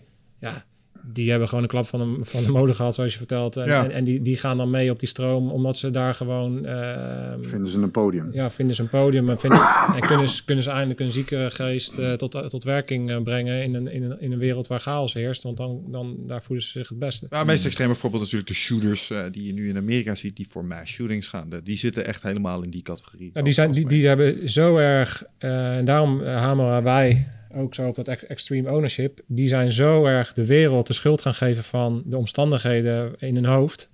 Ja, Dat zij uiteindelijk het voor zichzelf Ligt aan iedereen behalve aan hun. Ja, Ja, uiteindelijk ja. Hebben, eh, moeten zij ergens eh, mensen dus eh, kapot gaan maken om eh, het voor zichzelf nog te kunnen verkroppen. ja. Hey, ehm, ik heb ehm, in dat kader, als, als het gaat om eh, zeg maar de machteloosheid en zeg maar de, de, de frictie die dat kan meenemen, heb ik, heb ik nog een andere situatie bedacht waar je potentieel als operator eh, stress van zou kunnen ervaren. En dat is het levensbedreigende aspect ervan. Tenminste, ik, kan me voor, ik heb wel eens meegemaakt dat ik eh, in, het, in een verkeerssituatie terecht kwam waarbij mijn leven ineens ernstig in gevaar was. Buiten eh, extreme ownership, ja, ik had misschien beter kunnen kijken, maar ik had hier wel te maken met iemand die iets bijzonders deed, zeg maar. En dan daarna, in- na de eerste adrenaline en het reageren, werd ik echt fucking kwaad. Echt van, Jesus, je had me dood kunnen maken, weet je wel. Wat de fuck is er mis met jou? Die frustratie. Ehm, is dat iets waar, waar je ook mee te dealen krijgt? Heb je dat wel eens meegemaakt? Of is dat, eh, is dat part of the job en is, ben je door de training zo genormaliseerd daarmee dat je daar eigenlijk niet eens over nadenkt? Nou, eh, eh, Nou, ik- eer- eh, ja. Ja, ik, heb, ik, ik, ik, snap wel, ik snap wel wat je bedoelt. Eh, ik denk dat door, eh, door, door training en eh, omdat je met name ook in een team eh, werkt...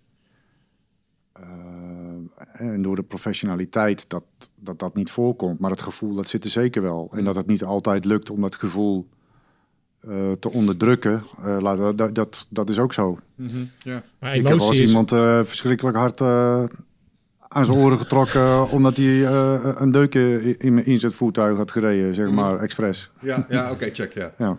Dus ja, weet je, dat, dat, mag niet. En dat, eh, dat moet ook niet. Maar ja, eh, niets menselijk is ons vreemd. Dat, dat komt natuurlijk Nee, wel je een zit keer op het voor. snijvlak natuurlijk. Dus, En eh, hè, als je kijkt naar ehm, eh, met name wanneer jouw, jouw leven eh, acuut op het spel staat, hè, dan is jouw eerste reactie is, is in, in, in die flinches dat je daarvan weg wil. Dus er is letterlijk eh, eh, eh, vanuit je vegetatieve brein wordt een fysieke impuls aangestuurd om weg te gaan van het gevaar. Als je dan niet weg kunt, dan pas ga je of vechten of, of ga je niks doen. Nou ja, ik vergelijk jouw situatie. Jij gaat verschrikkelijk boos worden. Dus ja, nou, dat is jouw primaire reactie daarna, omdat die, die situatie voor jou we- weg is. Ehm, door die situaties vaak te oefenen, eh, kun je, krijg je daar steeds meer besef van. En, en, en, en kun je daar steeds beter mee omgaan. ja. Ja, ja, en dat is ook een heel onverwachte. Voor jou is dat een onverwachte situatie. En dan eh, zouden wij waarschijnlijk ook in zo'n situatie op die manier kunnen, kunnen reageren. Maar in, in, in, in ons werkveld leren wij natuurlijk wel dat emotie is eh, op dat moment iets wat je wegzet. Ja. en dat is, dat is ook een van de redenen waarom PTSS en eh, om nog even terug te komen op dat verhaal, is ook, ja, we worden ook echt geleerd, want emotie kan je kan je, je leven kosten. Dus wij hebben niks aan emotie. Of Wij zijn heel erg handel, handelen gericht. Dus emoties zet je weg en emoties eh, in, de, in de pieken, eh, die, die moet je echt leren onder controle leren krijgen. En het zijn ook allemaal emotioneel gezien redelijk eh, stabiele figuren vaak. Ja. Eh, met, Ja. met uitzonderingen daar gelaten hoor. Maar, de- dus, dus op het moment dat wij onder, onder levensbedreigende omstandigheden kwamen, gingen wij absoluut niet boos reageren. Nee, dan was het inderdaad een korte flinch wellicht. En dan vervolgens ga je handelen, handelen. om de situatie op te lossen. Dus Ja. dan neem je de, de situatie meteen over. Ni- Niets is eh, zeg maar ontnuchterender als, eh, tenminste als ik dan. Ik acht mezelf met uh, al mijn vechtsportkunde een hele ninja's af en toe. Totdat mijn vriendin mij een keer laat schrikken onder de douche. En dan kom ik erachter dat ik de eerste twee seconden helemaal niets doe. Behalve gewoon... En Ja. daarna even schreeuwen en dan ineens heel boos worden. Ja. Maar zeker niet eh, de spectaculaire move die je in je hoofd zeg maar tevoorschijn haalt dat als je denkt dat je in zo'n situatie komt. Ja, maar dat is de realiteit. Kijk, en ook ehm, eh, eh, in, in het werkveld ehm, eh, kun je ook in een situatie terechtkomen dat, je in, dat er ineens op je geschoten gaat worden of dat er ineens iemand bovenop je afduikt. Ja. De reactie is hetzelfde. Alleen je getraindheid maakt is dat zeg maar, de, de, de, de tijd tussen eh, die vegetatieve reactie en het weer tactisch handelen is heel kort. Dus en, en, en, en dat, en dat moet je trainen. Dus als jij met je vechtsport bezig bent, moet je dus veel meer vanuit die schrik, schrikreactie moet je gaan trainen. Ja, ja. Want dat is namelijk waar het begint. Ja, nee, ik snap het. Ja, en het is natuurlijk het onverwachte component, hè, want ik sta daar mijn haar te wassen. En ineens, eh pats, is er iets. Ja, maar daar, goed, sta dat- ik niet op te, daar sta ik niet op te wachten. Jullie gaan naar binnen en jullie verwachten eigenlijk uit elke hoek iets. Ja, Op maar, zo'n moment. Ja, ik ja, ben, maar ik ben en, en, dan, en, dan nog, en dan nog is de reactie hetzelfde. Oké, dus je, je hebt nog steeds wel die flinch. Ja, dat zei je al. De- Dus die primaire reactie moet je gewoon, die leer je onderdrukken. Ja. Maar goed, als jij, als jij rondloopt, eh, eh, Erwin van Beek die zegt het in onze podcast, eh, de Jack in eh, de Jack in the Box, weet je wel, dat is zo'n zo'n clowntje Ja, die ja, dan ja, omhoog ja, springt ja, ja. met zo'n muziekje. Nou, als je dat muziekje continu in je hoofd hebt, letterlijk, van oké, die Jack uit de, die, kan, die kan elk moment uit de box komen, dan loop je met, met een andere mindset, loop je in, in, in die, eh, nou, voor ons dan letterlijk in je werk, maar in die setting. Ja, En pap, zo, sta je, ja, en zo sta je niet te douchen. Maar als jij sta- weet dat jouw jouw eh, eh, vrouw jou regelmatig prankt...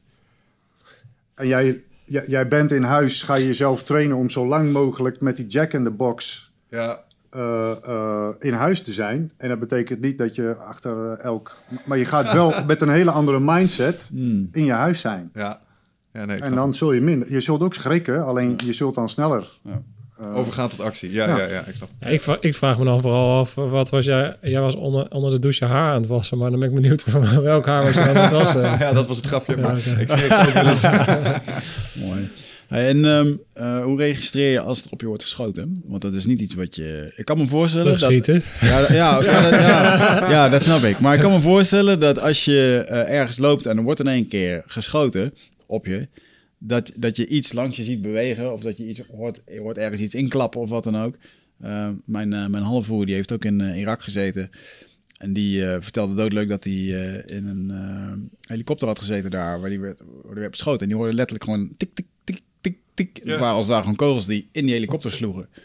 Ehm, maar dat is heel anders dan dat je in een Hollywoodfilm van allerlei dingen ziet ontploffen. Zo. Dus ik ben heel erg benieuwd hoe dat, dat hoe registreer je dat dat daadwerkelijk gebeurt en dat je dan denkt, eh, het Ja, gebeurt hangt, nu echt. hangt, hangt er vanaf onder de, de omstandigheden. Als je, als jij buiten loopt op het veld en er wordt van een grote afstand op je geschoten, Hmm. dan, dan, dan, dan zul, je, zul je alleen de inslagen horen of de, de- wanneer de kogel door de geluidsbarrière heen gaat. Ja, Nou, de zweepslag, kun je daarmee vergelijken? ja. Ja, een soort zweepslaagjes. Ehm, da- daarna pas hoor je, hoor je de knal. ja. Dan is het nog afhankelijk van hoeveel materiaal is er om, heen, om je heen wat echoot. Om uiteindelijk te kunnen lokaliseren waar dat dan is. Dat is best een klusje. ja. Eh, ben je in een gebouw, is dat nog een groter. Want het is alleen maar materiaal waar die echo vandaan kunt komen, dus, eh, kan komen. Dus om echt te lokaliseren waar die knal vandaan komt, dat, ja, dat, Ja. als het niet in je zicht gebeurt, dan ben je wel even bezig. Ja. ja. Kijk, ik ben zelf nooit van zo dichtbij eh, beschoten. Maar ik ken wel mensen die dat eh, hebben gehad. En die hebben dan, ja, die hebben, ik, eh, bijvoorbeeld een jongen van mij, eh, een operator uit mijn team, en die, die vertelde dat hij er inderdaad zat en dat hij op een gegeven moment gewoon eh, de stofwolkjes zo, tsch, tsch, tsch, om zich heen eh, in, in, het, ehm, in het zand zag komen. Mhm. Weet je, en dan ineens besefte van, weet je, ik ben zojuist gewoon eh, tussen mijn benen eh, ges- geschoten. Ja. Eh, ja, dus Ik dat. even- Ja, ja, geen enkel probleem. En verder ehm, Ja, pak die maar. ben ik wel, is natuurlijk wel geschoten. En op het moment dat bijvoorbeeld ehm, eh, wij op, op een gegeven moment om een actie afgingen, kan ik me nog herinneren hoe het je kan misleiden, is dat wij midden in de nacht vertrokken vanuit een eh, eh, Overwatch-positie. en toen, ehm, wij moesten eh, een vermeende Taliban eh, eh, gaan oppakken. En ehm, we lopen de green zone in. En we zijn eigenlijk pas een paar honderd meter weg. En in één keer hoor je bam, bam, bam, bam. Mm. Ze wordt geschoten. Ehm, en iedereen gaat in zijn, in zijn drills. Dus iedereen allemaal op posities. En, en, dan het eerste wat je gaat- doen is... Oké, wat, wat is er gebeurd en waar moeten we dan op gaan vuren? Mhm. Totdat je realiseert dat eh, het geschiet kwam vanuit eh, een van de, ANA, de Afghaanse soldaten... die bijna mijn sergeant had doodgeschoten... omdat hij zat te klooien met zijn, eh, met zijn RPG-granaat. Wij moesten operaties uitvoeren met zeer slecht getrainde Afghaanse soldaten. Ja, Dus wij, wij liepen daar met dat soort jongens in Afghanistan rond. Ja, dus, dus zo, zo misleidend kan vuur zijn. Dus dat, dat het echt wel even kost voordat je kan lokaliseren waar het dan vandaan komt, wat de situatie is en, en hoe je er dan volgens op moet handelen. ja. ah, jezus, eh, dit was gewoon blue on blue dus eigenlijk. Ja, ja. Ja, Meer- dus je gaat ervan uit, de vijand schiet op mij en het komt gewoon vanuit je eigen kamp. Ja. Ja. Ik ben ook bijna, eh, weet je, er, er zijn gewoon situaties geweest eh, waarop die Afghaanse soldaten eh, ons hebben doodgeschoten. Ook, in de, ook gewoon in de wachttoren dat ze lopen te klooien en eh, Ja. bijna eh, een van mijn onderofficieren doodschiet. Dat lijkt me een apart soort frustratie. Nou ja, dat, dat, dat is gewoon de, de, het soort missie wat ik dan heb gedraaid. Waarop wij dan eh, opgeleid wordt om eh, als eh Lean Warrior Marines met elkaar voorwaarts te gaan. Vervolgens ga je de eerste keer op uitzending. en moest ik met vier mensen met 30 Afghanen opereren. Ja. Van een heel ander niveau. Dus dan, dan ga je schakelen. En dan, dan moet je dus in die situatie gaan overleven. En, gaan, en, gaan, en je missie gaan uitvoeren. Ja, Dus, dus dan, dan komt je getraindheid, die, eh, alle opleidingen die je hebt gedaan, die gaan op, een andere manier tot uiting komen dan, dan je in eerste instantie had verwacht. ja. Hè, dat, dat je daadwerkelijk de dingen gaat doen waarvoor je bent opgeleid. Maar, maar je, je wordt eigenlijk soms dan in situaties gegooid die je niet van tevoren had kunnen voorzien. Nee, dat kan ik me voorstellen. Dan ben je, eh, ik denk als je het heel onerbiedig zegt, ineens een soort van eh, nanny geworden. Ja, maar, maar wel een nanny die, hun, die zijn, kind, zijn kinderen waar die op pas nodig heeft om zelf te overleven. Ja, ja, ja. Dus ja. dat geeft een iets andere dynamiek dan... eh, Hoe, hoe heb je dat opgelost? Vind ik wel interessant. Want de, je, gewoon vanuit eh, organisatorisch perspectief. Je komt met een bepaalde skillset kom je ergens binnen. Je hebt een klus te klaren. Je, je krijgt ineens eh, te maken met nou ja, iets ander opgeleid materiaal. Waar, begin jij? Wat ga je die gast als eerst bijbrengen? ik begin bij, op de relatie. Ja, Het allereerst, kijk, Afghanen zijn trotse mensen. En het eerste wat je moet doen op het moment dat je zo'n, zo'n dat ik deze klus krijg met mijn team, was dat we het vertrouwen moesten winnen. Ehm, om daar in ieder op het moment dat je wat vertelt, dat het ook aangenomen wordt. ja, Dus het eerste wat we, wat we hebben gedaan is, is gewoon meedraaien met hun. Iedere patrouille die er maar was, eh, gingen wij mee. Dus eh, dat is belangrijk om, om, het, om op die manier draagvlak te creëren bij, bij de mensen met wie je op het, eh, aan het werk gaat. ja. En vanuit eh, die positie eh, eh, zijn we gaan eh, sturen en hun gaan. Uiteindelijk moesten, moeten wij hun namelijk brengen. Het is niet dat wij hun alleen maar dingen moesten gaan vertellen, maar wij moesten hun brengen op een niveau dat zij daadwerkelijk uiteindelijk voor hun eigen veiligheid konden gaan zorgen. Mhm. Dus je moest nog verder denken. Je moet echt gaan denken: oké, wij kunnen het wel honderd keer vertellen, maar het moet er echt ook om gaan dat ze het ook snappen waarom we het vertellen. Mhm. Hè, dus eh, waarom moet je door je richtmiddelen kijken? Ja, Om, eh, dat, soort, dat soort situaties eh, hebben we echt wel gehad. We, ik, dat, dat, dat we voor een patrouille gingen en dat we op een gegeven moment zeiden van ja, tegen de onderofficieren, je moet controles, je moet kijken naar je mensen en je moet controleren of de mensen de dingen hebben. En als we dan controles gingen doen, dan bleken dat mensen, dat er gewoon schutters bij waren die maar drie patronen bij zich hadden, Ja. omdat ze de rest hadden verkocht. Ja, en daar gingen wij mee naar buiten. ja, Weet je, dus, eh, maar dat betekent ook dat, die onder, dat, dat wij die onderofficier moeten laten weten van, eh, en, en, de- en daarna ook de, degene die daar de leiding heeft, van op het moment dat je op deze manier naar buiten gaat en je komt in een vuurgevecht, dan ga jij niet meer naar huis om je kinderen te vertellen eh, wat, wat er gebeurd is. Want dan ben je Mhm. gewoon kapot. En ehm, ja, zo, zo, zo ga je gewoon aan de slag. En ga je, ga je ehm, alles doen wat je kan om hun voor te bereiden op hun eigen missie. En dat is hun land eh, in veiligheid eh, krijgen. Ja, eh, wat was, wat was, want je zegt in eerste instantie beginnen we dus met de relatie. Nou, je hebt straks een relatie opgebouwd. En, wa- wa- wat ik probeer te bepalen is waar jij dan als zeg maar helemaal top geëquipeerd, zeg maar, waar, waar jij de fundamenten legt. Ga je dan eerst, oké, teamsamenstelling gaan we nu aanpakken.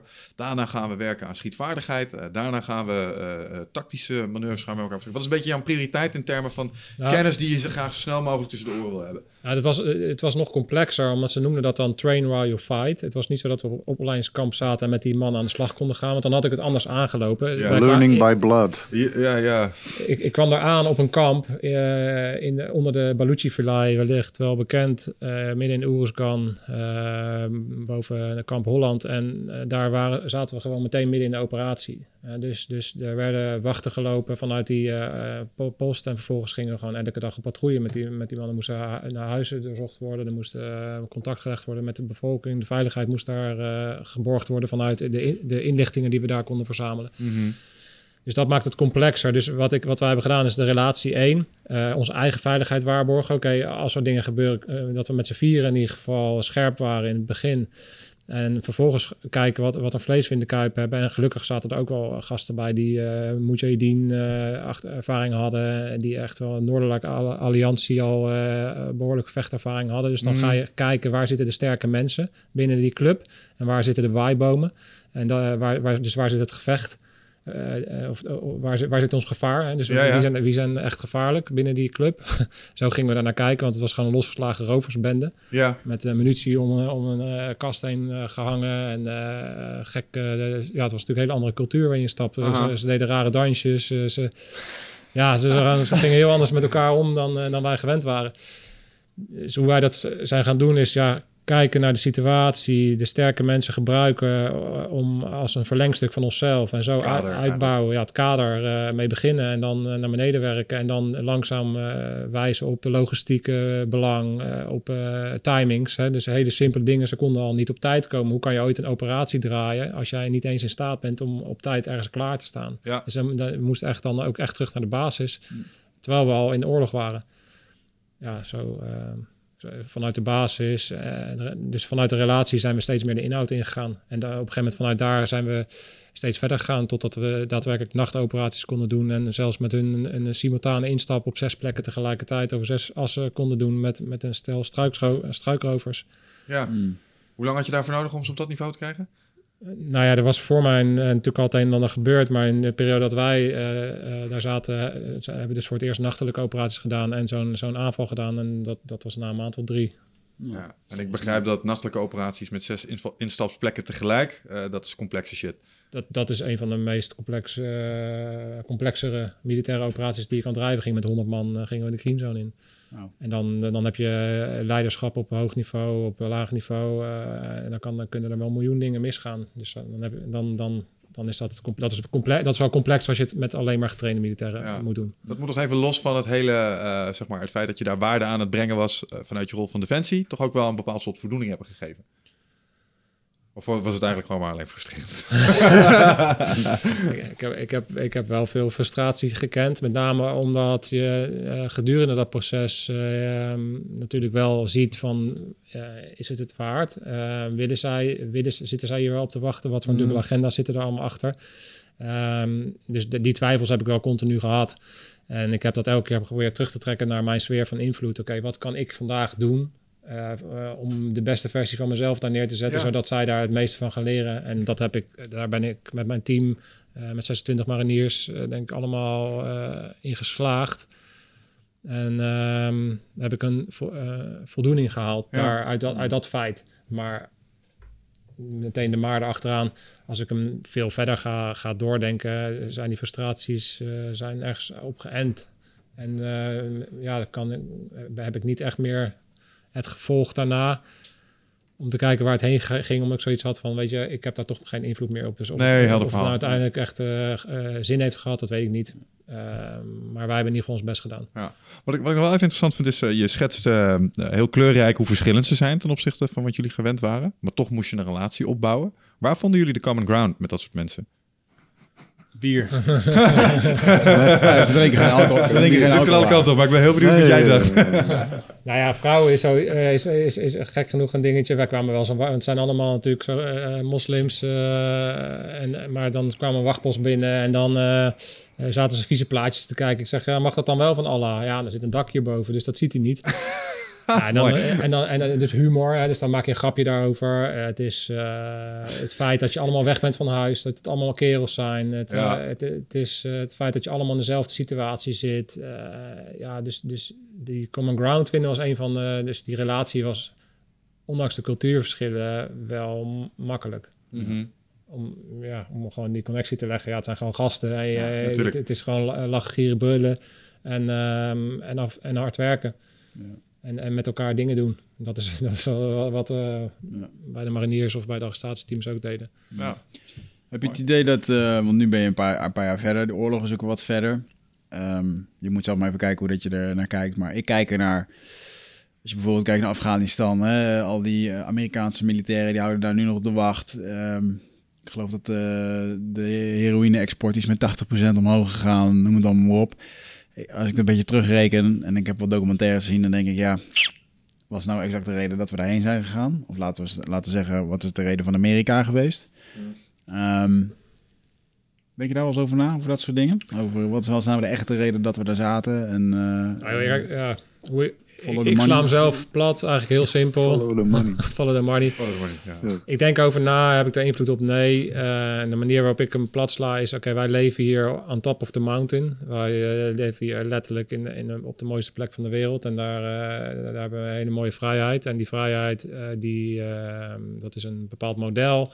En dat model, dat is eh, door de Amerikanen in de Tweede Wereldoorlog hebben zij ons hier bevrijd. En vanuit daar hebben we de langste periode van vrijheid en eh, ehm, eh, econo- economische groei gehad. Waar heel veel mensen heel veel baat bij hebben gehad. En dat is een schuld. En op het moment dat de Amerikanen eh, binnen hun belangen op dat moment eh, hebben besloten om daar in te stappen, heeft onze overheid vervolgens besloten om van ja, dat is onze grote broer, wij gaan, eh, wij gaan mee.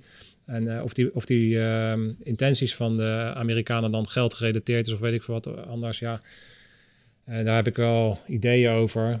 Maar heeft het heel erg veel zin om voor mij om daarover na te denken? Dat, dat, ehm, dat denk ik, voor mij heeft dat niet zo heel veel zin. Ik vind het wel interessant om erover na te denken. Ja. maar Het is grappig dat je dat zegt uit dat oogpunt van zij hebben ons toen bevrijd. En als je dat dan zegt, dan denk ik, eh, klopt, we hadden hier ook allemaal Duits kunnen praten en eh, eh, in pakjes kunnen rondlopen. Ehm, dat is Als je- als je de conspiracy- dat mag je dat is niet, grappig. van, Nee, mag dat- je niet vanzelfsprekend vinden. Nee, dat, eh, maar goed, dan, dan, dat is dus typisch. Ja, goed, ik ben eh, wat later geboren dan die oorlog. En dan is het toch eigenlijk vaag hoe, hoe snel je daar een soort van vervreemd van raakt, weet je wel. Je vindt het allemaal erg wat daar is gebeurd. En, eh, ik zag, Ja, toevallig- ik zag toevallig van de week nog een keer een foto van eh, jongetjes van 18 hier die, oh, mijn gevoelens worden gepijnigd. Terwijl toen je 18 was in Amerika, moest je gewoon naar de man. En er stonden gewoon Duitsers op je te wachten op het strand, weet je wel. Ga maar. En wauw man, dat is wel echt een opoffering. eh. Wanneer hadden we het daar nou over? Eh, ook in een laatste podcast over grootouders die je nog iets meegaven van eh, de oorlog. Was dat niet op het kennisfestival?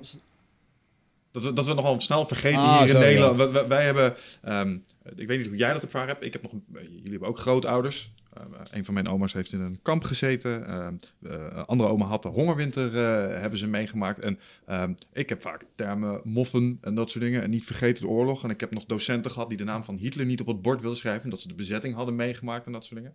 Eh, en dat heeft mij echt wel altijd het gevoel gegeven van... holy shit, wat is het fijn dat er geen oorlog is. Dat vond ik echt super eng vroeger. Ik speelde eh, de- vroeger, ik kom van Vlieland af eh, in het bos. Oorlogje. Ja. En dan was het gelau- geallieerden tegen de Duitsers. Ja, ja, dat deden wij ook. Ja, Ja. ja, ja, ja. En eh, in het zomerseizoen gingen we moffen pesten.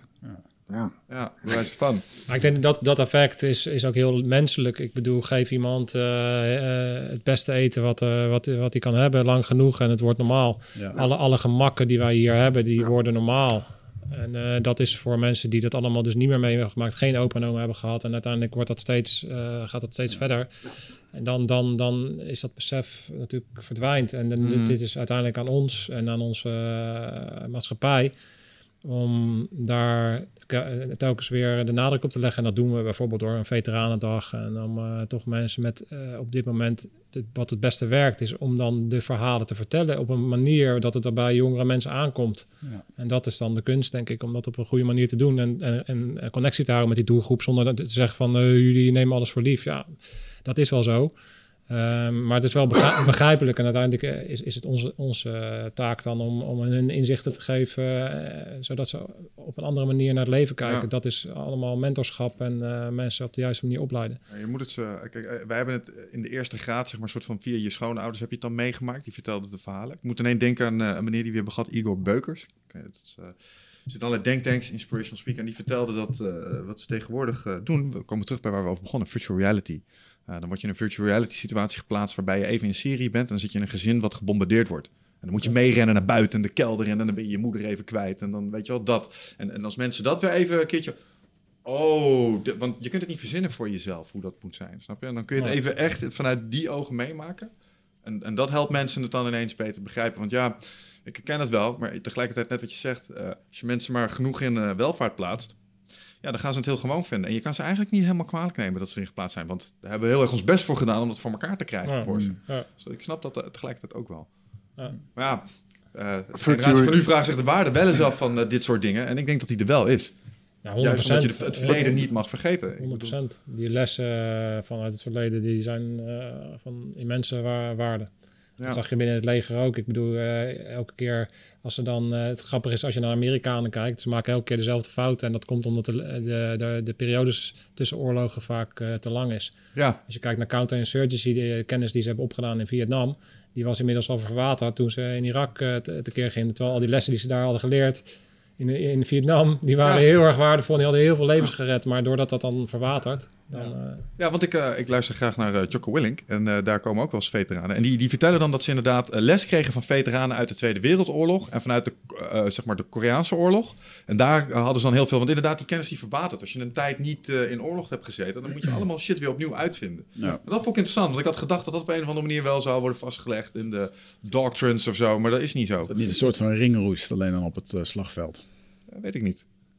Ja, Het wordt wel vastgelegd, maar uiteindelijk gaan de instructeurs die het eh, leren, eh, die het eh, teachen, dus de teachers of de, de instructeurs, hoe je het wil noemen, die, ehm, eh, ver- die worden ook ouder. Dus de, de instructeurs, die, dat zie je nu met Afghanistan ook al. Je hebt nu eigenlijk binnen Nederland, was, voor Nederland was Afghanistan een hele heftige missie, omdat daar veel kinetische oorlog is gevoerd dan ooit tevoren. Dat is een nette manier van zeggen, er wordt op elkaar geschoten. Ja, er wordt, Ja. er wordt gewoon echt oorlog gevoerd. Eh, en dat is een, eh, op een grote schaal, zeg maar. En, en je ziet dat dat heel erg, dat de mensen die daar geweest zijn en de mensen die daar niet geweest zijn, dat daar, dat, ja, dat, dat daar dus lessen geleerd worden. Maar er gaat een tijd komen dat Afghanistan zo lang geleden is dat de instructeurs die de nieuwe mensen dingen gaan leren niet meer in Afghanistan zijn geweest, waardoor die kennis eh, uit de tweede hand gaat komen, Ja. uit de derde hand gaat komen. En dan kan het wel in de boeken staan, maar die nadruk van die nieuwe instructeurs gaat toch anders gelegd worden. Ook omdat de situatie om, om, om hen heen verandert, andere dreigingen. En dan verwatert dat gewoon. Ja. Dat is hoe het loopt. In hoeverre is, ehm, ook als je even kijkt naar wat jullie natuurlijk doen met Hell Shooter en eh, ik ben zelf fanatiek paintballen geweest. In hoeverre zijn die lessen misschien toch nog over te dragen door scenario's te creëren? Vroeger kon je niet, eh, kon je niet paintballen eh, als Tweede Wereldoorlogssoldaat. Had je niet de manier om elkaar in ieder geval te laten weten, hé, hey, jij was geraakt. Dat kunnen we tegenwoordig wel. In hoeverre is het mogelijk om die situaties toch nu beter te simuleren, waardoor je kennis toch iets beter geborgd blijft? Of mm, heeft dat te weinig effect? Ik, ik, ik denk niet ehm, ehm, dat dat mogelijk is met paintball. Is dat omdat je gewoon, omdat er suspension of disbelief in zit? Zo van je weet dat het niet fataal is? Dat, zou, dat, dat kan. Ehm, en ik denk dat eh, iedereen die daaraan begint, uiteindelijk zich realiseert dat het een spelletje is. Ja, precies dat. Ja. En ik denk dat die mindset, met name in je training, eh, voor het echt gewoon eh, eh, niet mag ontstaan. Ik denk dat dat ook het eh, moeilijke is van, eh, van training, om, eh, om, om die mindset altijd op reality te houden. Jullie, jullie trainen natuurlijk vreselijk veel bij, eh, bij Marshof. Ja, je zou- weet je- weet je- En- oh, sorry. Ja, nee, bij, bij Marshof. En, en dan is het lastig om. te, of nee, la- lastig, dan is het noodzakelijk om te voorkomen dat je operators in een soort. eh, nou, dan gaan we weer even training Ja. mindset komen. Ja, ja, het is dat een heel typisch voorbeeld waarop je dat kan zien. Want ik denk wel dat je het immersive eh, element, dat dat, dat dat tot betere training leidt en dat dat Mhm. eh, hele interessante effecten heeft. Maar uiteindelijk, als je traint bij de antiterreur, doe je eigenlijk ook een soort paintball. Want je schiet met FX munitie, dat geeft een bepaalde... Maar weer het. hè, dat- dan voel je een pijnprikkel en je, voelt, en je ziet dat je geraakt bent. Maar wat ik heel interessant vind daarin, is dat wij bepaalde procedures hadden bij de antiterreur, die heel erg op snelheid waren. En na Afghanistan zie je dat de procedures dusdanig zijn aangepast dat er veel eh, meer traagheid ingebracht is. En die traagheid die kwam voort uit het feit dat mensen terugkwamen in echt in de- zulke vuurgevechten hadden gezeten. En vanuit de realiteit konden zeggen dat die procedure zoals we hem altijd getraind hadden, volledig onrealistisch is. Hmm. Dus daar, daar zie je dus dat, dat, dat, dat je kan zoveel trainen en er werd op het hoogste niveau getraind. Maar pas op het moment dat ze daadwerkelijk onder vuur kwamen te liggen, konden ze de dingen dusdanig aanpassen vanuit de realiteit. Eh, en dat, is, dat, dat, dat, dat stukje, dat ga je dus niet overbruggen door paintball of op Nee. een andere manier dingen te... eh, en dat, dat, dat kleine stukje is wel het stukje waar de Waar, waar- ge- ja, kun je eens concreet worden over wa- wat dan de les is die je leert op het moment... Oké, dit was onze standaard, eh, dit was onze SOP. Nu zitten we in het echt en hier werkt het niet. Wat, wat leerden ze daar wat niet werkte, wat je wel getraind had? Nou, dat je met een, nou ja, ik noem maar even heel concreet, dat, dat op het moment dat er dus in de gang gevuurd wordt, eh, dat je dan wel eventjes in een treintje er doorheen loopt. Eh, op snelheid, bijvoorbeeld. Ik noem maar even. ja, eh, en dat gebeurt in het echt niet, in het, want... gebe- in het echt gebeurt dat gewoon niet. Op het moment dat jij, dat zie je eh, bijvoorbeeld in, in de supermarkt eh, in Parijs, weet je, dan staan daar de best getrainde lui. Die zijn allemaal gereed om de supermarkt binnen te gaan. En op het moment dat er daadwerkelijk met een AK op hun gevuurd wordt, maken ze de grootste fout die je kan maken als eenheid. Dus dat is een schildman in, een, in zijn eentje naar binnen gaat en de andere in de flinch staat. En die staan allemaal... Die flinchen staan toch- letterlijk weg. Dat is net iets... En daar, daar zie je gewoon letterlijk een modelsituatie ontstaan wat gewoon killing is. Ja, Ehm, dus ja, dat, dat, dat, dat soort eh, realiteit. En dat kan je dus alleen maar leren doordat dat je dus uiteindelijk een keer echt ehm, ehm, in zo'n supermarkt eh, hebt gestaan. Ja. Wij, wij leerden heel veel van acties eh, van andere eenheden. Bijvoorbeeld de treinkapingen. Die wij, wij waren verantwoordelijk voor het oplossen van trein, of, eh, sorry, vliegtuigkapingen. En dan leerden wij natuurlijk eh, de, van de situatie in Nice. Een van de dingen die daar bijvoorbeeld geleerd is, is dat je dus die dikke platen die je tegenwoordig ziet bij antiterreur, ja, dat, dat je die wel naar beneden moet hebben. Want eh, anders word je gewoon, eh, ja, dat, dat het redt namelijk je, je leven. En dat is daar toen ook bewezen. Eh, Heel specifiek bijvoorbeeld dus. Dus dat, Ja, ja, dat, ja. dat soort uh, Dat zijn de lessen schilder, leer de je. schilder waar ze mee naar voren lopen. Die kogelvrij. eh, Ja, ja, ja, je hebt met name die, dat vizier. Dat, Ah. dat, dat kogelwerende vizier wat je voor je op, je op die helm hebt, waardoor die helm 85 kilo weegt. ja, ja, ja. Ja, dat is, zit er niet voor niks. Nee, En eh, dat, is, dat is heel rottig om daarmee te schieten. Ja. Maar ja... beter doe je het wel. nou, Ja, duidelijk. Ja, bizarre situaties. Heb je nu nog, ehm, eh, want je bent nu bezig met, eh met Hell Shooter, wat echt een entertainment vorm is van hetgeen wat jullie hebben gedaan. Dus jullie zijn eigenlijk een soort van echt met pensioen gegaan met jullie oude werk. Je kunnen nu wat rustiger aan doen en wat meer genieten van, eh, van alles wat jullie hebben geleerd. Ehm, eh, maar je doet ook dingen bij bedrijven, toch? Ja, ja, we gebruiken de, de L-shooter ook als een tool om eh, inzicht te, ge- te genereren eh, binnen een groepsdynamiek en binnen individuen. Hoe reageren ze op eh, stress en hoe reageert het team op, eh, op druk? En dat doen we dan bijvoorbeeld ook in een nieuwe experience, een scherpschutters experience, dat, waarop we letterlijk mensen in die situatie zetten. En wij hun gaan spiegelen in hun gedrag, waardoor mensen zich meer bewust worden van een primaire reactie op eh, druk, stress.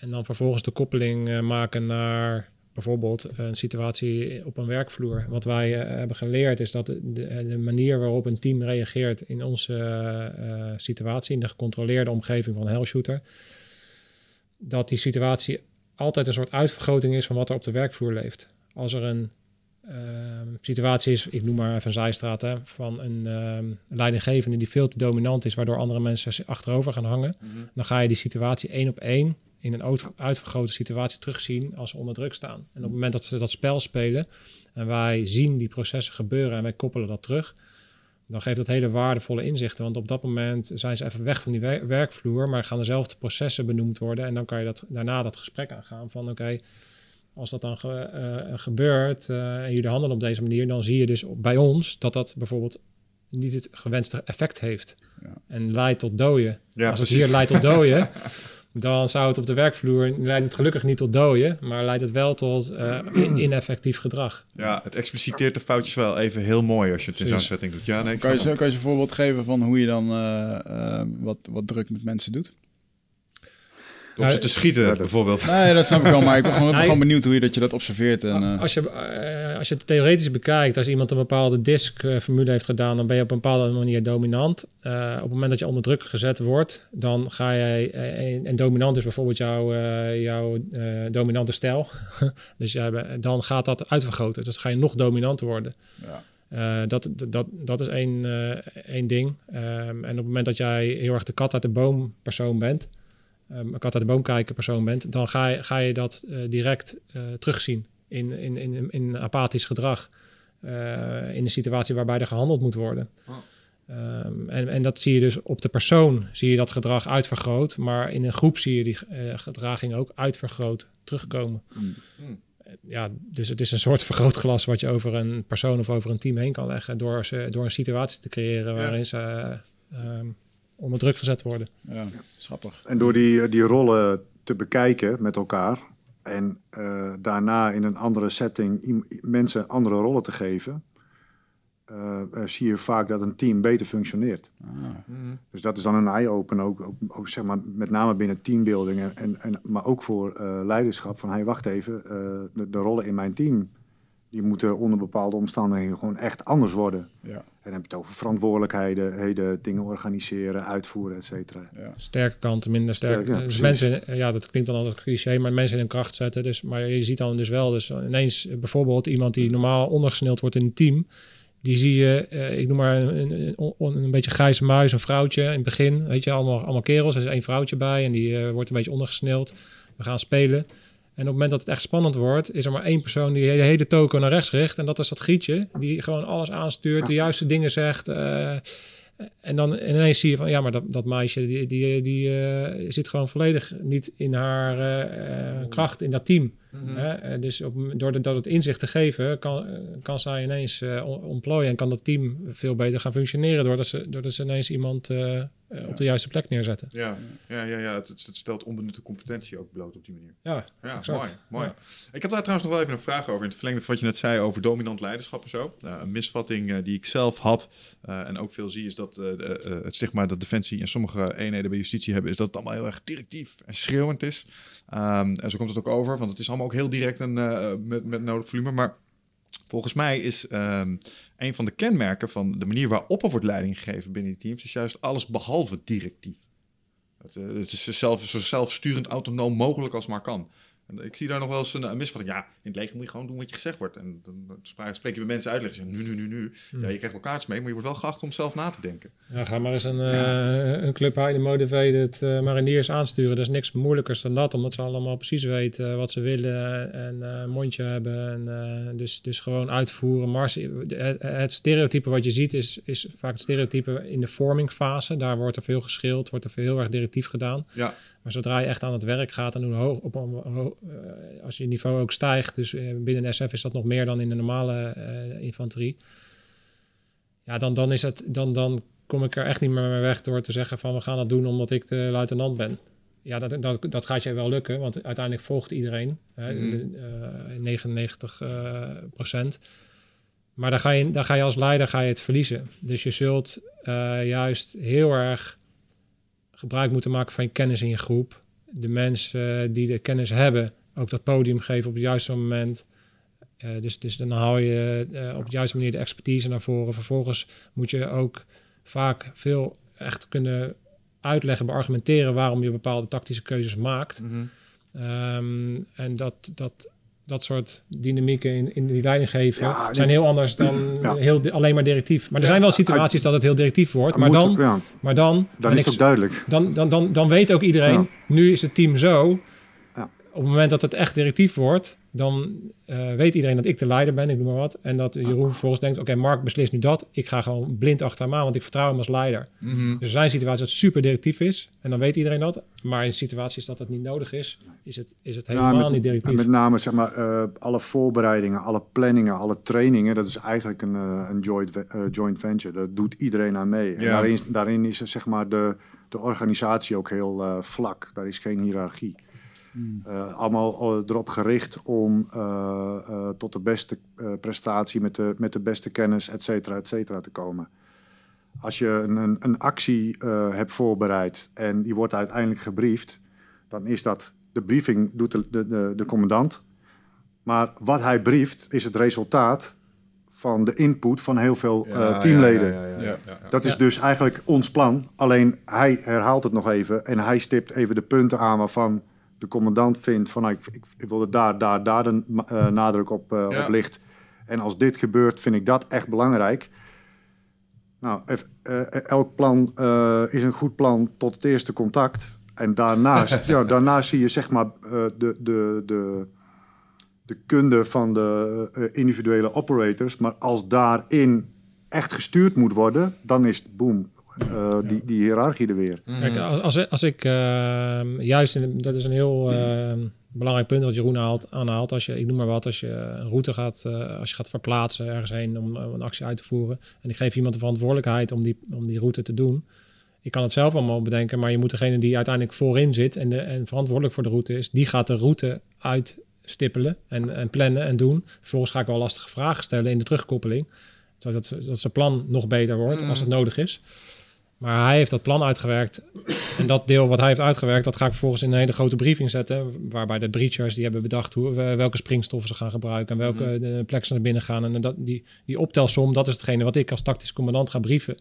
Maar daar is maar een- inderdaad het enige wat ik heb gedaan is samenvoegen. Ja. En zorgen dat het eh, allemaal bij elkaar klopt. Hoe loopt de informatie? Als ik eh, nadenk over een softwareontwikkelteam, dan eh, heb je ook wel een beetje een dergelijke dynamiek. Maar dan staat, ligt het alsnog centraal bij één persoon vaak. En ik kan me voorstellen dat met name dit soort operaties best wel een samenspel tussen allerlei disciplines. Zeg maar. Je hebt ook rollen binnen, binnen je team. Hoe moet ik dat voor me stellen? Zitten we met z'n allen gewoon op een tafel en ze zijn, hey, ik wil dit gaan doen. Hoe denk jij hierover voordat we tegen hem vertellen? Of zit de commandant er ook nog op van, ja, schijnig dat jij dit zegt, maar je hebt dat duidelijk niet in oogschouw genomen. Wat eh, de meneer van de demo zegt. Die, jullie moeten nog even met elkaar lullen. De, de, de lagen die erin zitten zijn natuurlijk niet voor niks. Nee. Degene die de leiding heeft, eh, ik moet even naar mezelf toe trekken. Ik ben tactisch commandant, we hebben een gijzelingssituatie. Ik heb te maken met mijn, mijn eenheid. Dus ik heb al mijn teamleaders. Ik heb eh, daar teams daaronder hangen. Daaronder zitten klimspecialisten, breach-specialisten, eh, eh, sniper. En dan heb ik nog een specialistische clubjes zoals snipers, eh, medics, eh, die ik het allemaal niet. Dat is een hele weerwar aan, eh, aan mensen en specia- specialisten. Maar ik heb informatie die niet iedereen heeft. Want ik krijg de briefingen van bovenaf. Dus Ja. ik, krijg, ik krijg het brede plaatje mee. Ik ben erop getraind om vanuit dat brede plaatje dat eh, te vertalen naar de tactische situatie. Dus dat is de eerste vertaalslag die ik ga maken. Eh, en vervolgens ga ik met dat plaatje ga ik de benodigde informatie ga ik op de juiste plekken neerleggen, zodat de, de, de planningen gemaakt gaan worden. En dan houdt die overleggen, die zijn eh, over het algemeen kleiner. Dus er zit een bepaalde eh, getraptheid in. Ik ga met, Ja. ik ga met vier teamleaders, ik noem maar wat, hè, vier teamleaders zitten. En daarmee gaan we, de, gaan we bepaalde plannen maken, gaan de deelplannen uitkomen. En vervolgens gaan die teamleaders weer met hun team zitten. En Juist. binnen dat team gaan weer kleinere clubjes op hun niveau. Dus die niveaus, die gaan, dat, dat druppelt van boven naar beneden. En dat druppelt daarna weer van, van beneden naar boven. Ja, Eh, want op het moment dat al die planningen op het kleinste niveau ge- gemaakt zijn, dan maak ik dat tot een plan. Ga ik terug naar mijn commandant. En dan zijn er misschien situaties, eh, is er een situatie misschien veranderd? Of is, is het er niet mee eens? Dan kan die, en dan moet ik weer terug naar de tekentafel. ja, ja. ja, ja. al- dat, dat, dus die dynamiek loopt van onder naar boven. en Van, van, eh, Ja, maar er is dus wel iemand echt eh, eh, zeg maar beschäftigd met het eh, gladtrekken van de, de individuele schakels die hun eigen deelprobleempjes aan het oplossen zijn. Ja, ja, Ja, dat, dat was mijn taak binnen de antiterreur. Ja, ja, ja. Nou, vind, ik interessant om te zien hoe die besluitvorming tot stand komt. Omdat, eh, nou ja, daar moet het natuurlijk met een gruwelijke efficiëntie. Dus daar is wel eens over nagedacht, denk ik, hoe dat het beste kan. Ja. En als je dat dan vergelijkt met het bedrijfsleven, waar de... Nou, er zitten wel parallellen in, maar ik denk dat ze er ook wel dingen uit kunnen pikken die misschien beter zouden kunnen. Ja, ik ben wel 100%. Je ziet er natuurlijk niet voor niks dat daar een enorme ehm, ja, wereldgroei wil ik het niet noemen, maar heel veel mensen zijn, zijn natuurlijk vanuit die wereld. Oh, je noemt ook een Jocko. eh, eh, er zijn zoveel mensen die die lessen hebben geleerd binnen de, binnen de militaire wereld. eh, om dat dan vervolgens te vertalen naar het bedrijfsleven. Ja. Omdat er gewoon heel veel dingen te leren zijn. Wat is een van de dingen die je constateert als je werkt met het bedrijfsleven, waar je echt in 9 van de 10 gevallen denkt, oh jongens, ja, hier gaan we weer. Dit is echt het laaghangende fruit voor die gasten. Dit, dit, als ik kijk naar hoe we het bij Defensie doen en ik kijk naar het gemiddelde eh, team in het bedrijfsleven, dan is het vaak dit, dit of dit. Op tijd komen. Ja, nou, Fit zijn. ik denk ook wel dat, ehm, eh, dat niet iedereen zich ehm, ehm, eh, even prettig voelt in de rol die hij heeft binnen een bedrijf. Mm. Dus ik denk dat op het selecteren en op, op, op de juiste man of vrouw op de juiste plek zetten, dat, dat, dat, dat zie, je, dat zie je wel vaak. Eh, dat- dat- zeg maar in, in trainingen die wij geven, zie je daar wel vaak iets echt verkeerd in gaan. En dan, dan, dan kunnen wij, gaan wij niet diep genoeg om te kijken of dat dan ook werkelijk is. Maar is dan Het is wel een beetje appels en peren vergelijken wat dat betreft. Hè? Want als je eh, heel veel, 9 van de 10 bedrijven uit het bedrijfsleven vergelijkt met Defensie, dan, ehm, eh, dan zit er zo een wereld achter Defensie waarbij alles ehm, er al zoveel is weggenomen, eh, wat, waar mensen niet meer over hoeven nadenken. Dat zit hem dus in, in de selectie, het soort mensen, eh, het soort procedures, het soort werk, wa- waardoor al die mensen die daar zitten, eh, daar hoef je al lang niet meer over na te praten. Ik noem maar wat, inderdaad op tijd komen. Ja, iedereen weet al lang dat, dat je op tijd moet komen. Ik noem maar iets heel simpels. Maar binnen een bedrijfsleven zie je natuurlijk heel veel... Daar komen gewoon van mensen van alle walks of life, allemaal verschillende types. En dat is veel complexer. Eh, je Ligt nooit-. Iedereen reageert hetzelfde op burpees, toch? ja, dat is waar. Maar misschien is dat wel het probleem, dat, dat je gewoon niet fysiek mag straffen. Nee, ik denk, Ja. dat denk ik echt. Daar heb ik echt wel eens gedacht, ja. ja. Ja, Waarom is het toch makkelijker om in de kickboxles de orde te bewaken als in je softwareontwikkelteam? Nou, dat is omdat je daar mensen eh, misschien mag neerslaan op de lever. Ja. Nou, misschien moeten lijfstraffen gewoon terugbrengen in het bedrijfsleven. Ja, nee, gekkigheid. Maar nee, ja, ik denk het wel. Dat zit wel zo'n Dat component. vorig jaar ook een keer in een retreat in Amerika had ik 3000 euro voor betaald. Was bij, eh bij Elliot Hills ook inderdaad. En als je dan gewoon te laat kwam, dan eh, kwam niet meer binnen. Nee. Stond- Ergens stonden terecht. mensen echt heel Ja. verbouwereerd. Zo van, hey, maar ik heb, ik heb hier wel voor, voor betaald. Ja, maar ja. Dat is dat gewoon, was gewoon de regel, weet je wel. Ja, ja dus een defensie is natuurlijk een, een, een organisatie waar heel veel regels zijn. En dat maakt eh, sommige dingen maakt dat, dat makkelijker, want dan leef je allemaal in dezelfde wereld. Ja. Vraagje. Ehm, ik vind eh, eh, clubjes mensen eh, in bepaalde samenstellingen een doel laten bereiken, vind ik echt fascinerende puzzels. Ehm teamsamenstellingen. Als je kijkt, eh, hoe zijn die teams nou eigenlijk eh, eh, opgebouwd en hoe lopen die, die, die command structures? Ehm, zitten er, ehm, als je kijkt naar het domein waar je uitkomt en het domein waar je uitkomt, wat zijn de parallellen daarin als het gaat om, om die samenstellingen? Of zijn die werelden zo verschillend dat, dat jij in een format draaide wat jij niet kent en andersom? Nou, ik denk dat we onze werelden heel veel parallellen hebben. Ik denk dat eh, de mindset van, eh, van mensen die binnen dat soort teams eh, zitten heel erg veel gelijkenis hebben. En dat de, de interesses en, en de manier waarop je doelen bereikt juist weer heel verschillend kan zijn. Hmm. En daar zit volgens mij de kracht. Maar de mindset van willen winnen. En als dat niet lukt, ervan leren. dan- ja, ik denk dat dat de belangrijkste overeenkomst is. Maar wat wel interessant is bij ehm, wat we bijvoorbeeld ook operator Ed in, in, in onze laatste, een van onze laatste podcasts zat dan eh, een operator vanuit de dienst speciale interventies en toen hij dat benoemde dacht ik ja dat is ook echt wel zo. Is dat in de basis zijn het allemaal hetzelfde soort mensen, maar vervolgens kan iedereen aangeven van die, die specialist eh, vind ik tof. En dan gaan, luister, wordt er ook naar geluisterd. Eh, dus dan, dan eh, want, want zij geloven erin dat op het moment dat jij dus aangeeft eh, dat jij een brietje tof vindt of dat jij het liefst fysiek bezig bent, whatever, dus ja. met een schild eh, rondrent, ik noem maar wat. Hè. Ehm, dat je daar dan ook de meeste drijfkracht hebt om, om te gaan innoveren en die Mhm. rol goed in te vullen. Dus vanuit de basis allemaal heel, op een heel hoog niveau. En vervolgens in, in, de, in de innovatie moet je mensen vrijlaten. Ja. Maar eh, ja, check, duidelijk. En, en als je dan kijkt naar hoe jullie je organiseren, ik bedoel, jullie opereren beide in teams. Ehm, zijn, het, zijn, het gelijke, zijn er optimale, eh, een optimale samen een AT en een Special Force team? Is dat allemaal zes man of meer? Of juist minder, klein? Is er Ik- altijd één sergeant en één kapitein? En is de rest... eh, Ik denk dat AT kle- kleinere aantallen zijn. En ik, wat ik wel interessant vind aan de samenstelling van het Corps Mariniers is, eh, ik ben pelotonscommandant. En dat is dan de kleinste operationele eenheid. En dat, die samenstelling is nu inmiddels wat veranderd, want ze zijn overgegaan naar een Engels model en squadrons. Maar in principe komt het allemaal hetzelfde neer. Mhm. En dat is dan 30 man. En ik ben daarvan overtuigd. En eh Sebastian Junger, die kennen jullie misschien wel, als een eh oorlogsjournalist die ook Respre- Restrepo, die documentaire heeft gemaakt. Ja, en docu ken ik, interessante tactics het ook heeft. Die heeft ook de, de, tribes onderzocht wereldwijd. En die geeft ook aan dat de mens is biologisch uh, gewired om in een groep te overleven van ongeveer 30 tot 40 mensen. Mhm. Dus dat is een, voor mijn gevoel is dat ook een hele natuurlijke uh, samenstelling. Dus 30 man, uh, daar konden wij eigenlijk alles mee op, in oorlogvoering. En dat, dat, daar zat ook een samenstelling in waarbij ik de commandant was. Ik was een jonge, jonge vent. Mhm. En dan had je een, uh, een hele ervaren onderofficier, dat was mijn rechterhand. Dat was de opvolgend commandant. En daar, zit al een soort dynamiek in. Ik wil alleen maar voorwaarts en oorlog, weet je, jong gedreven. En dan heb je een soort van, uh, dat is dus, dat, dat is echt dat, dat, dat kind. En dan heb je de, de, de vaderfiguur, die is een soort van de remming. En, en die, geeft, die geeft die jonge officier van, ja, maar heb je daar wel aan gedacht? En die jongens moeten nu rust hebben. En doe nou maar even dit of zo. Die, die geeft dat allemaal een bepaalde context. En dan heb je daaronder heb je een aantal onderofficierrangen, stuk drie, drie stuks. En dat zijn dan weer de vaderfiguren van de kleinere eenheden. Aha. En uh, ik als commandant hoef dus eigenlijk maar drie mensen echt aan te sturen. En die sturen dan de rest weer aan. En binnen dat, die, in die kleinere clubjes heb je dan een commandant, een sergeant. En een opvolgend commandant. Um, en dan heb je de, de alle operators ertussen zitten. En die, die commandant, de sergeant, is dan vaak ook een oudere onderofficier. Die, die heeft bepaalde leiding. Maar de, de corporaal, dat is de baksmeester. En dat is degene waar iedereen bang voor is. En die, uh, die uh, de discipline erin ramt. Hè? Dus als, als er iets niet goed gaat. Dat was ik, jij in dat opzicht? Nee, nee, nee. Ik, werd, ik was alleen degene die op een gegeven moment iets. iets oké, okay, ze komen steeds te laat. En dan haal ik de sergeanten erbij. zeg ik: Oké, okay, um, het maakt me niet uit hoe jullie het doen. Maar dit gaat nooit meer gebeuren. Ja. Dat is het enige wat ik hoef te zeggen. En dan ja. vervolgens, uh, ja, dan gingen die wij allemaal naar de kloot. Want toen liep mijn boomstam uh, tot uh, vrijdagmiddag helemaal naar de kloten te gaan. En de volgende week kwam niemand meer te laat. Nee, nee, nee, helder. Dus, dus als ik hem goed begrijp, je, je, jij was commandant. Je had je, je onderofficier die jou hielp. Um, vervolgens had je nog een paar senioren in de onderliggende teams. En daarbinnen had je, die had ook weer een soort rechterhand, de corporaal. En dat was eigenlijk je disciplinemeester. Yep. Ja, oké, okay, check. Helder verhaal. Ja. En dat wist men ook.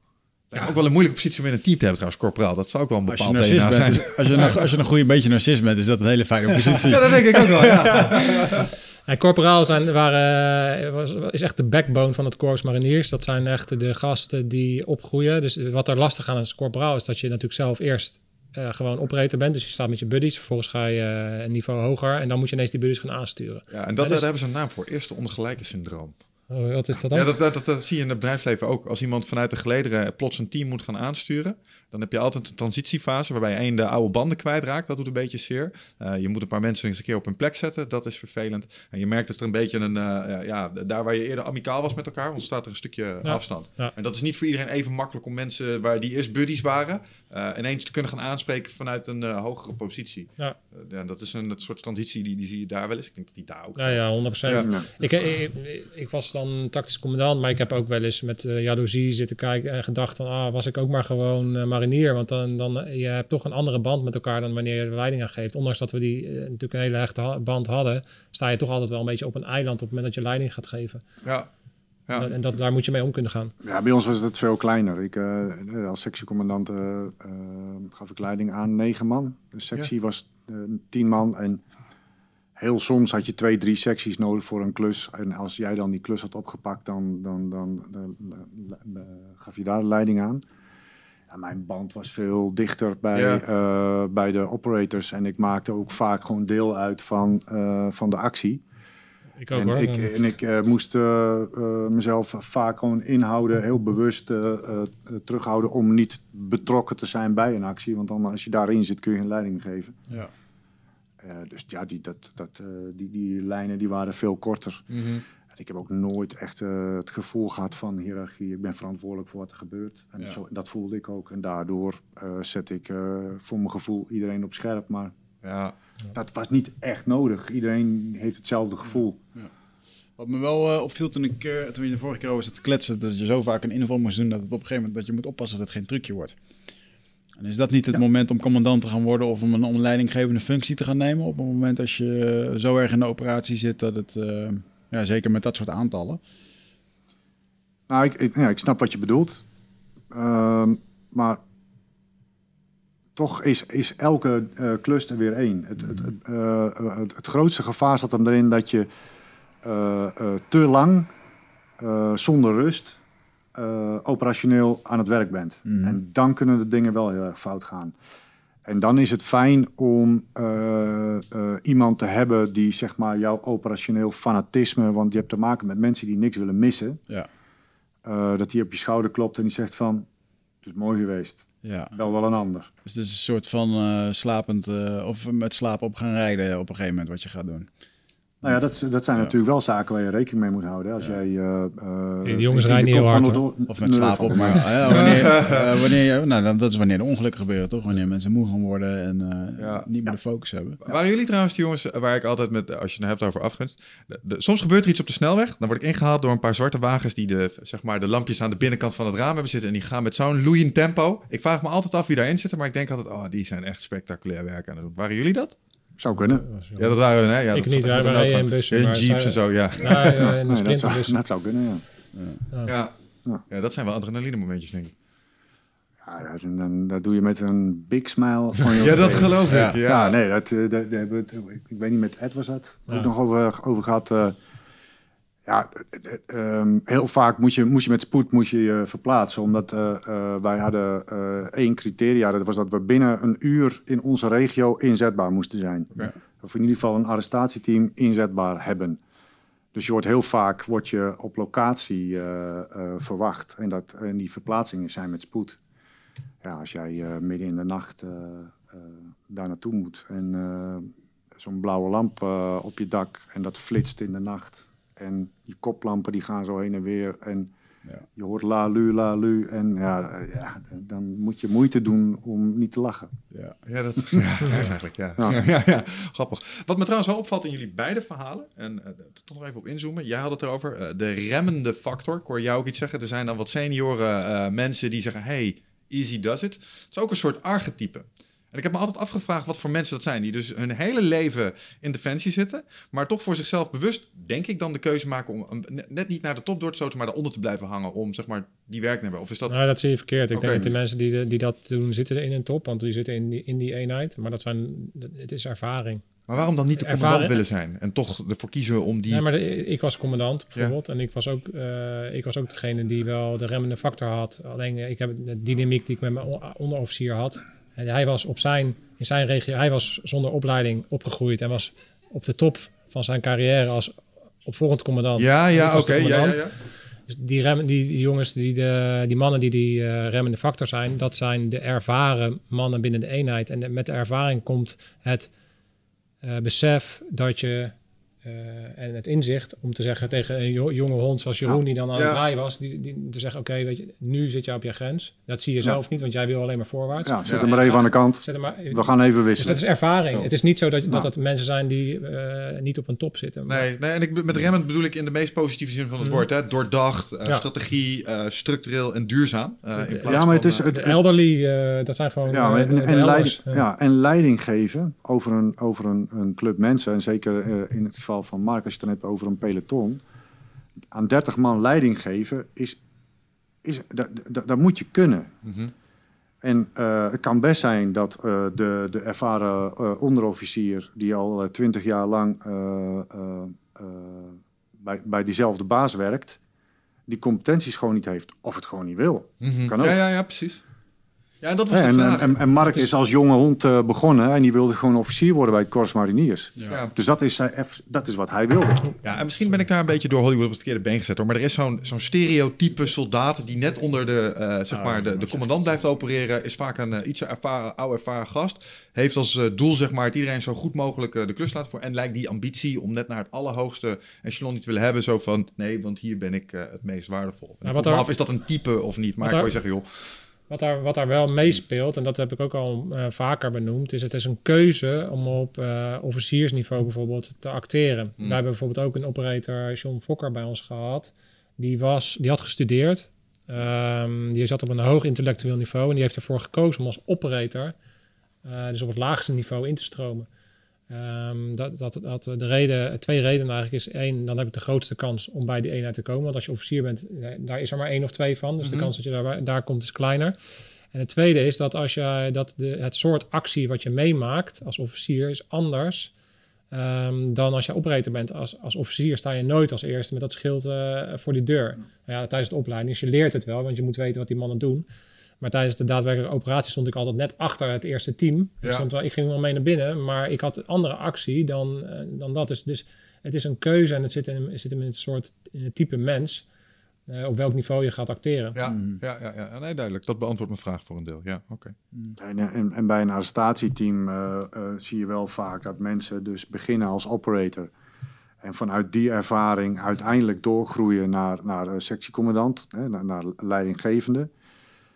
En eh, daar was het juist wel weer noodzakelijk om heel veel ervaring te hebben, omdat je onderdeel uitmaakt van het eh, operationele proces. Ik zou, ik kan, je kunt volgens mij vergelijken met teamleader bij, eh bij Marshof. Ja. Ehm, omdat je dan veel beter je, je, je operators kunt aansturen, maar ook kunt coachen binnen het proces. Hè, dus als je het hebt over learning on the job, is meer waardevol dan simpelweg training. Hè, dan maak je die compet- eh, competentiecirkel voor, eh, voor mensen rond. Nou, dus daar kun je, eh, om, juist omdat je ook deel uitmaakt van, van een actie, kun je daar eh, of on the job of achteraf heel erg goed op coachen en op sturen. Ja. Dus die, eh, die, eh, die, die, die feeling tussen eh eh, eh, Marshof, peloton, 30 man met daarboven eh, een eh, commandant en arrestatieteam, maar max 10 man met een sectiecommandant, is gewoon heel anders. Mhm. Je zou kunnen zeggen dat eh, eh, Mark eh, drie, vier van teams als waar ik in gewerkt heb, leiden. Ja. Maar dan tegelijk in één actie. Waar ik wel benieuwd naar ben, een beetje de afsluiting, want we zitten bijna op de twee uur. En, eh, ik, moet, ik moet zo ooit voor ons. Tijd vliegt. Nou, ja, voor ons is zouden het we nog kunnen doen dit, ja. Ehm, maar ehm, ehm, Tom Clancy, vast wel bekend. Wie is dat? De schrijver die uh, Rainbow Six. Ja? Je bent slecht met grappen vandaag. hè. Ze vallen niet. Nou, ik weet het echt niet. Dus, eh, Oh nee, Tom Clancy Oh. is een schrijver die Oh. eh, eh, waar heel veel boeken, eh, cybercrime boeken, maar ook gewoon eh, oorlogsboeken dingen. En daar worden al die computerspelletjes zoals Rainbow Six en zo, die worden daarop gebaseerd. Ja, ik lees geen boeken. Dat zijn allemaal niet. Ja, jawel, je hebt er twee gelezen. Ja, twee. En Dit jaar. ehm, eh, ik was heel erg benieuwd, wat, wat, eh, wat ligt er in de toekomst voor deze teams? Hoe zien die teams eruit? Eh, gaat het een hele andere Ja, de- manier van oorlogsvoering krijgen? Of een, eh, Ik denk dat die teams steeds specialistischer gaan worden. Denk ik. En ik denk dat, eh, en die beweging die zie je natuurlijk ook al, dat met name eh, oorlogvoering, dat is of heel groot Mhm. en, en bijna eh, eh, technisch, of het is heel klein eh, om chirurgisch eh, eh, dat te kunnen of ondersteunen of Ja. chirurgisch iets te kunnen uitvoeren. ja, Ik denk dat het uiteindelijk dat de toekomst is. Ja, nee, eh, ja dus, dus, dus de, ehm, je ziet nu al een soort kleinschaligere, versplinterde ehm, werkwijze. Waar, omdat de, de dreiging, als je nu bijvoorbeeld naar Europa kijkt, kijk, eh, eh, de grootste, de worst case scenario is natuurlijk dat er op meerdere plekken tegelijkertijd dingen gaan gebeuren. Dus er moeten overal mensen kunnen zijn en die moeten op hun niveau heel erg snel kunnen gaan handelen. Ja. En ehm, ja, dus het, dus het enkele man, hè, dus de, de specialisten, precies het specialistische, om allerlei dingen eh, op heel, heel zelfstandig te kunnen doen, dat is, dat is waar, waar de groei zit. En ehm, voor de rest denk, ben ik ervan overtuigd dat de manier waarop de volgende oorlogen gaan komen, eh, op een manier gaan zijn en gevoerd gaan worden die wij nog niet kennen. Dat is altijd zo geweest. Wij zijn eh, natuurlijk altijd, we denken nu dat de derde wereldoorlog bijvoorbeeld hetzelfde gaat zijn als de tweede wereldoorlog. Maar ik ben ervan overtuigd dat als die gaat komen, dat het op een manier gevoerd gaat worden die wij nog niet kennen. Dus dan moeten we daar weer als mensheid op gaan eh, adopteren. En dan heb je mensen nodig.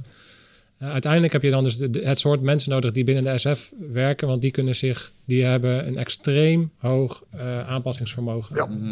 En ehm, daar, ja, daar, dus daar zit, daar zit het, wat mij betreft het Ja, eh, ik eh, weet je wel, kijk naar, eh, naar wat er met de KPN gebeurt. Hè, drie backups en niks doet het.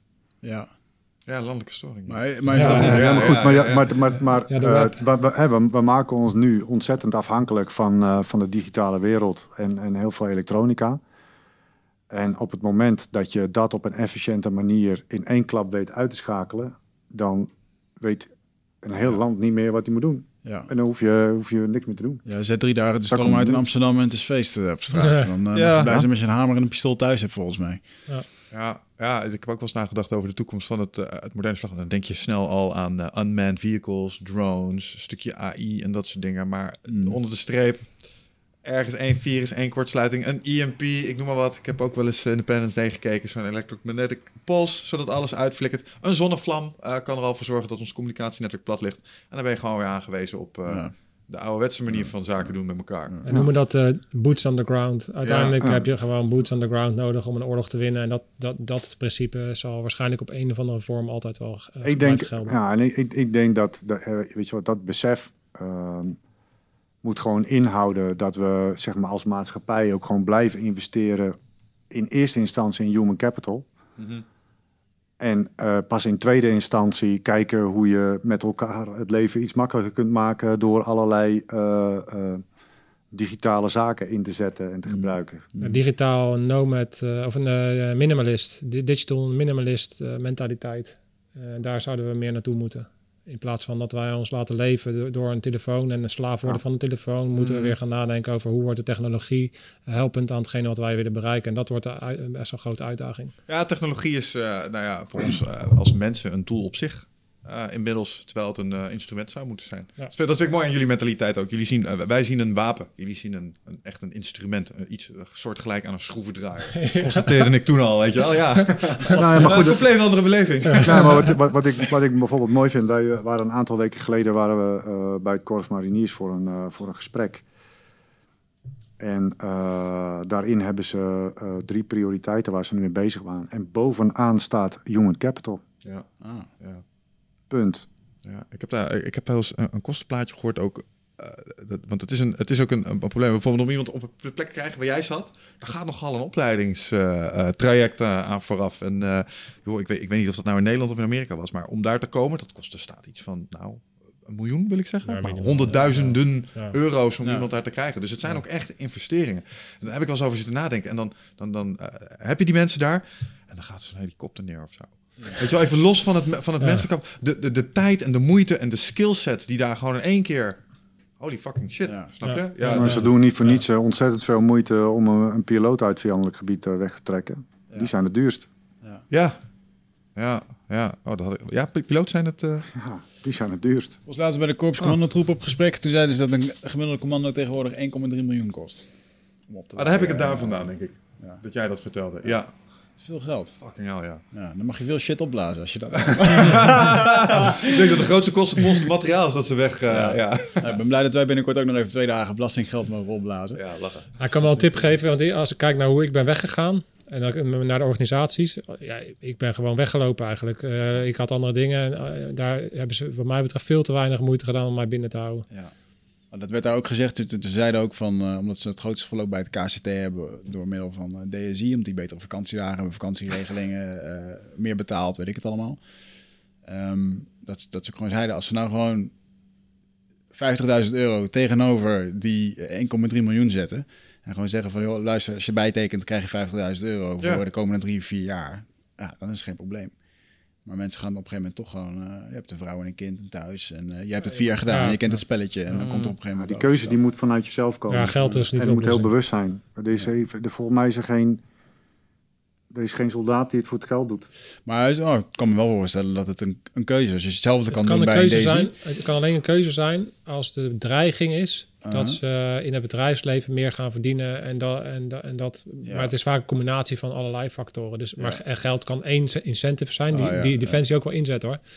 Ehm, dus het is één incentive om mensen binnen te houden. Maar, maar het probleem zit vaak veel, veel breder. Het zit hem in werkomstandigheden. Het zit hem in eh, de fase waarin je zit. eh, je, je thuis, de thuissituatie. de Ik, doorgroeimogelijkheden, ik noem maar wat. ik had jou niet met een dikkere paycheck daar weg kunnen krijgen toen je in die positie zat. Van, hey, word lekker consultant in het bedrijfsleven. Op het moment dat ik daar in mijn top Ja, zat, nee, dat- dat met was nooit nee, nee, Nee. precies. Nee, Denk ook never. Geen kabeltjes uit de microfoon trekken. Sorry. hey, la- laatste vraag. Wij moeten binnenkort naar die eh, kennismakingsdagen van de KCT. En Mhm. ehm, eh, wat is nou de, de gouden tip die je mensen geeft die er echt helemaal doorheen zitten, die moe zijn en die eh, op het punt staan om... eh, ja, Uh, rammen met je kadaver. Ja, ik wou net zeggen, dat, dat, dat gaat hij zeggen. me op. Ik, bijvoorbeeld, want Jocko, Jocko Willing zou ook in een podcast. ehm, ik heb nooit getwijfeld dat ik die buds training van de Navy SEALs, dat ik daarmee zou stoppen. Dat was gewoon geen optie. Nee, voor mij, voor mij, dat is, eh, Jeroen heeft dat, ik heb dat. Ik, eh, ik, mijn urgentie was zo hoog. ik was liever dood gegaan dan ik ooit had opgegeven. Ja. En dat, dat klinkt heel, maar dat voelde ik echt zo. Ja. De, de, de, de angst om te stoppen uit mijn eigen beweging en de gevolgen daarvan was voor mij zo groot geworden. En elke opleiding die ik weer, een nieuwe opleiding waar ik inging, werd die angst steeds groter. Dus ik had, ik had never nooit niet opgegeven. Alles, alles, alles, behalve dan eh, tussen zes plankjes afgevoerd worden. Maar Ja, maar jullie gaan dat doen. nou, Oké, nou, weet, je, maar- weet, je hoeveel, hoe- weet je hoe lang het duurt? Drie dagen. Nou, dan ga ik ga ervan uit dat het vier dagen duurt. Ja. En als je tot op, op dat moment komt, dan weet je van, hé hey joh, daar komt een eind aan. Ja. It's not forever. ja. Ja. Ja, Het gaat ja, maar over fucking ja. drie dagen. Weet je wel? Ja. Dat maar- vertel ik me regelmatig tijdens het trainen. This is not forever. Dit gaat zo meteen ophouden. En ik, maak het zo, ik tel steeds tot 10. Dat is weer 10 seconden voorbij. En dan is er weer 10 seconden voorbij. En uiteindelijk is de training klaar. Ja. Maar ja, en er zijn allerlei... Ja, ja dan, kijk, dan, dan deel je iets op in, eh, in kleine stukjes. Hè. De, ik eh, maakte, zeker bij hele lange verplaatsingen, maakte ik voor mezelf gewoon etappes. En dan heb je weer een etappe. Dat is een, een, een klein euforisch momentje Ja. wat ja, waarschijnlijk hormonaal ook gezien eh, Ja, iets doet in je lichaam. Maar dan denk ik van oké, hoe- Ja, ik tel heel veel tot, tot tien met al mijn zwemmen en mijn hardlopen. En gewoon tien tellen. En dan denk ik, ah, weer tien tellen. Weet tien je wel. tellen hoe, gro- hoe groter de pijn, hoe kleiner die etappes worden. Onder extre- extreme pijn, eh, en dat hebben we ook wel ervaren, kan een, is een seconde duurt al eh, voor je gevoel een uur. Moment dat je echt kapot zit, dan, ehm, ja, dan moet je het echt van diep halen. En motivatie gaat de deur uit, hè, dat is ook echt zo. Dus jij moet heel erg goed voor jezelf helder hebben. Ik ga die dagen niet gewoon doen omdat dat leuk is. Nee, ik kom naar iets halen wat voor mij dusdanig belangrijk is. Dat het niet halen voor mij gewoon geen optie is. Ja. En dan zal jij merken dat als jij dat heel helder voor jezelf hebt, dat op het moment dat je het zo zwaar hebt en je op dat moment daar, dat je daar naartoe kan uitzoomen, hoeveel pijn je ook hebt, en op dat moment kan doorzetten. Ja. Dat is mijn ervaring in ieder geval. Mooi. Waardevol.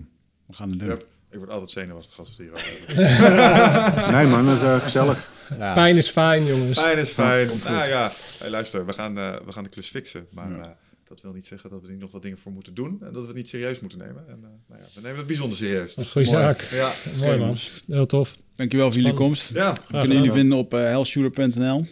En, Scherpschutters eh, podcast. Scherpschutters podcast. En eh, we zitten volgens mij binnenkort bij jullie. Ja.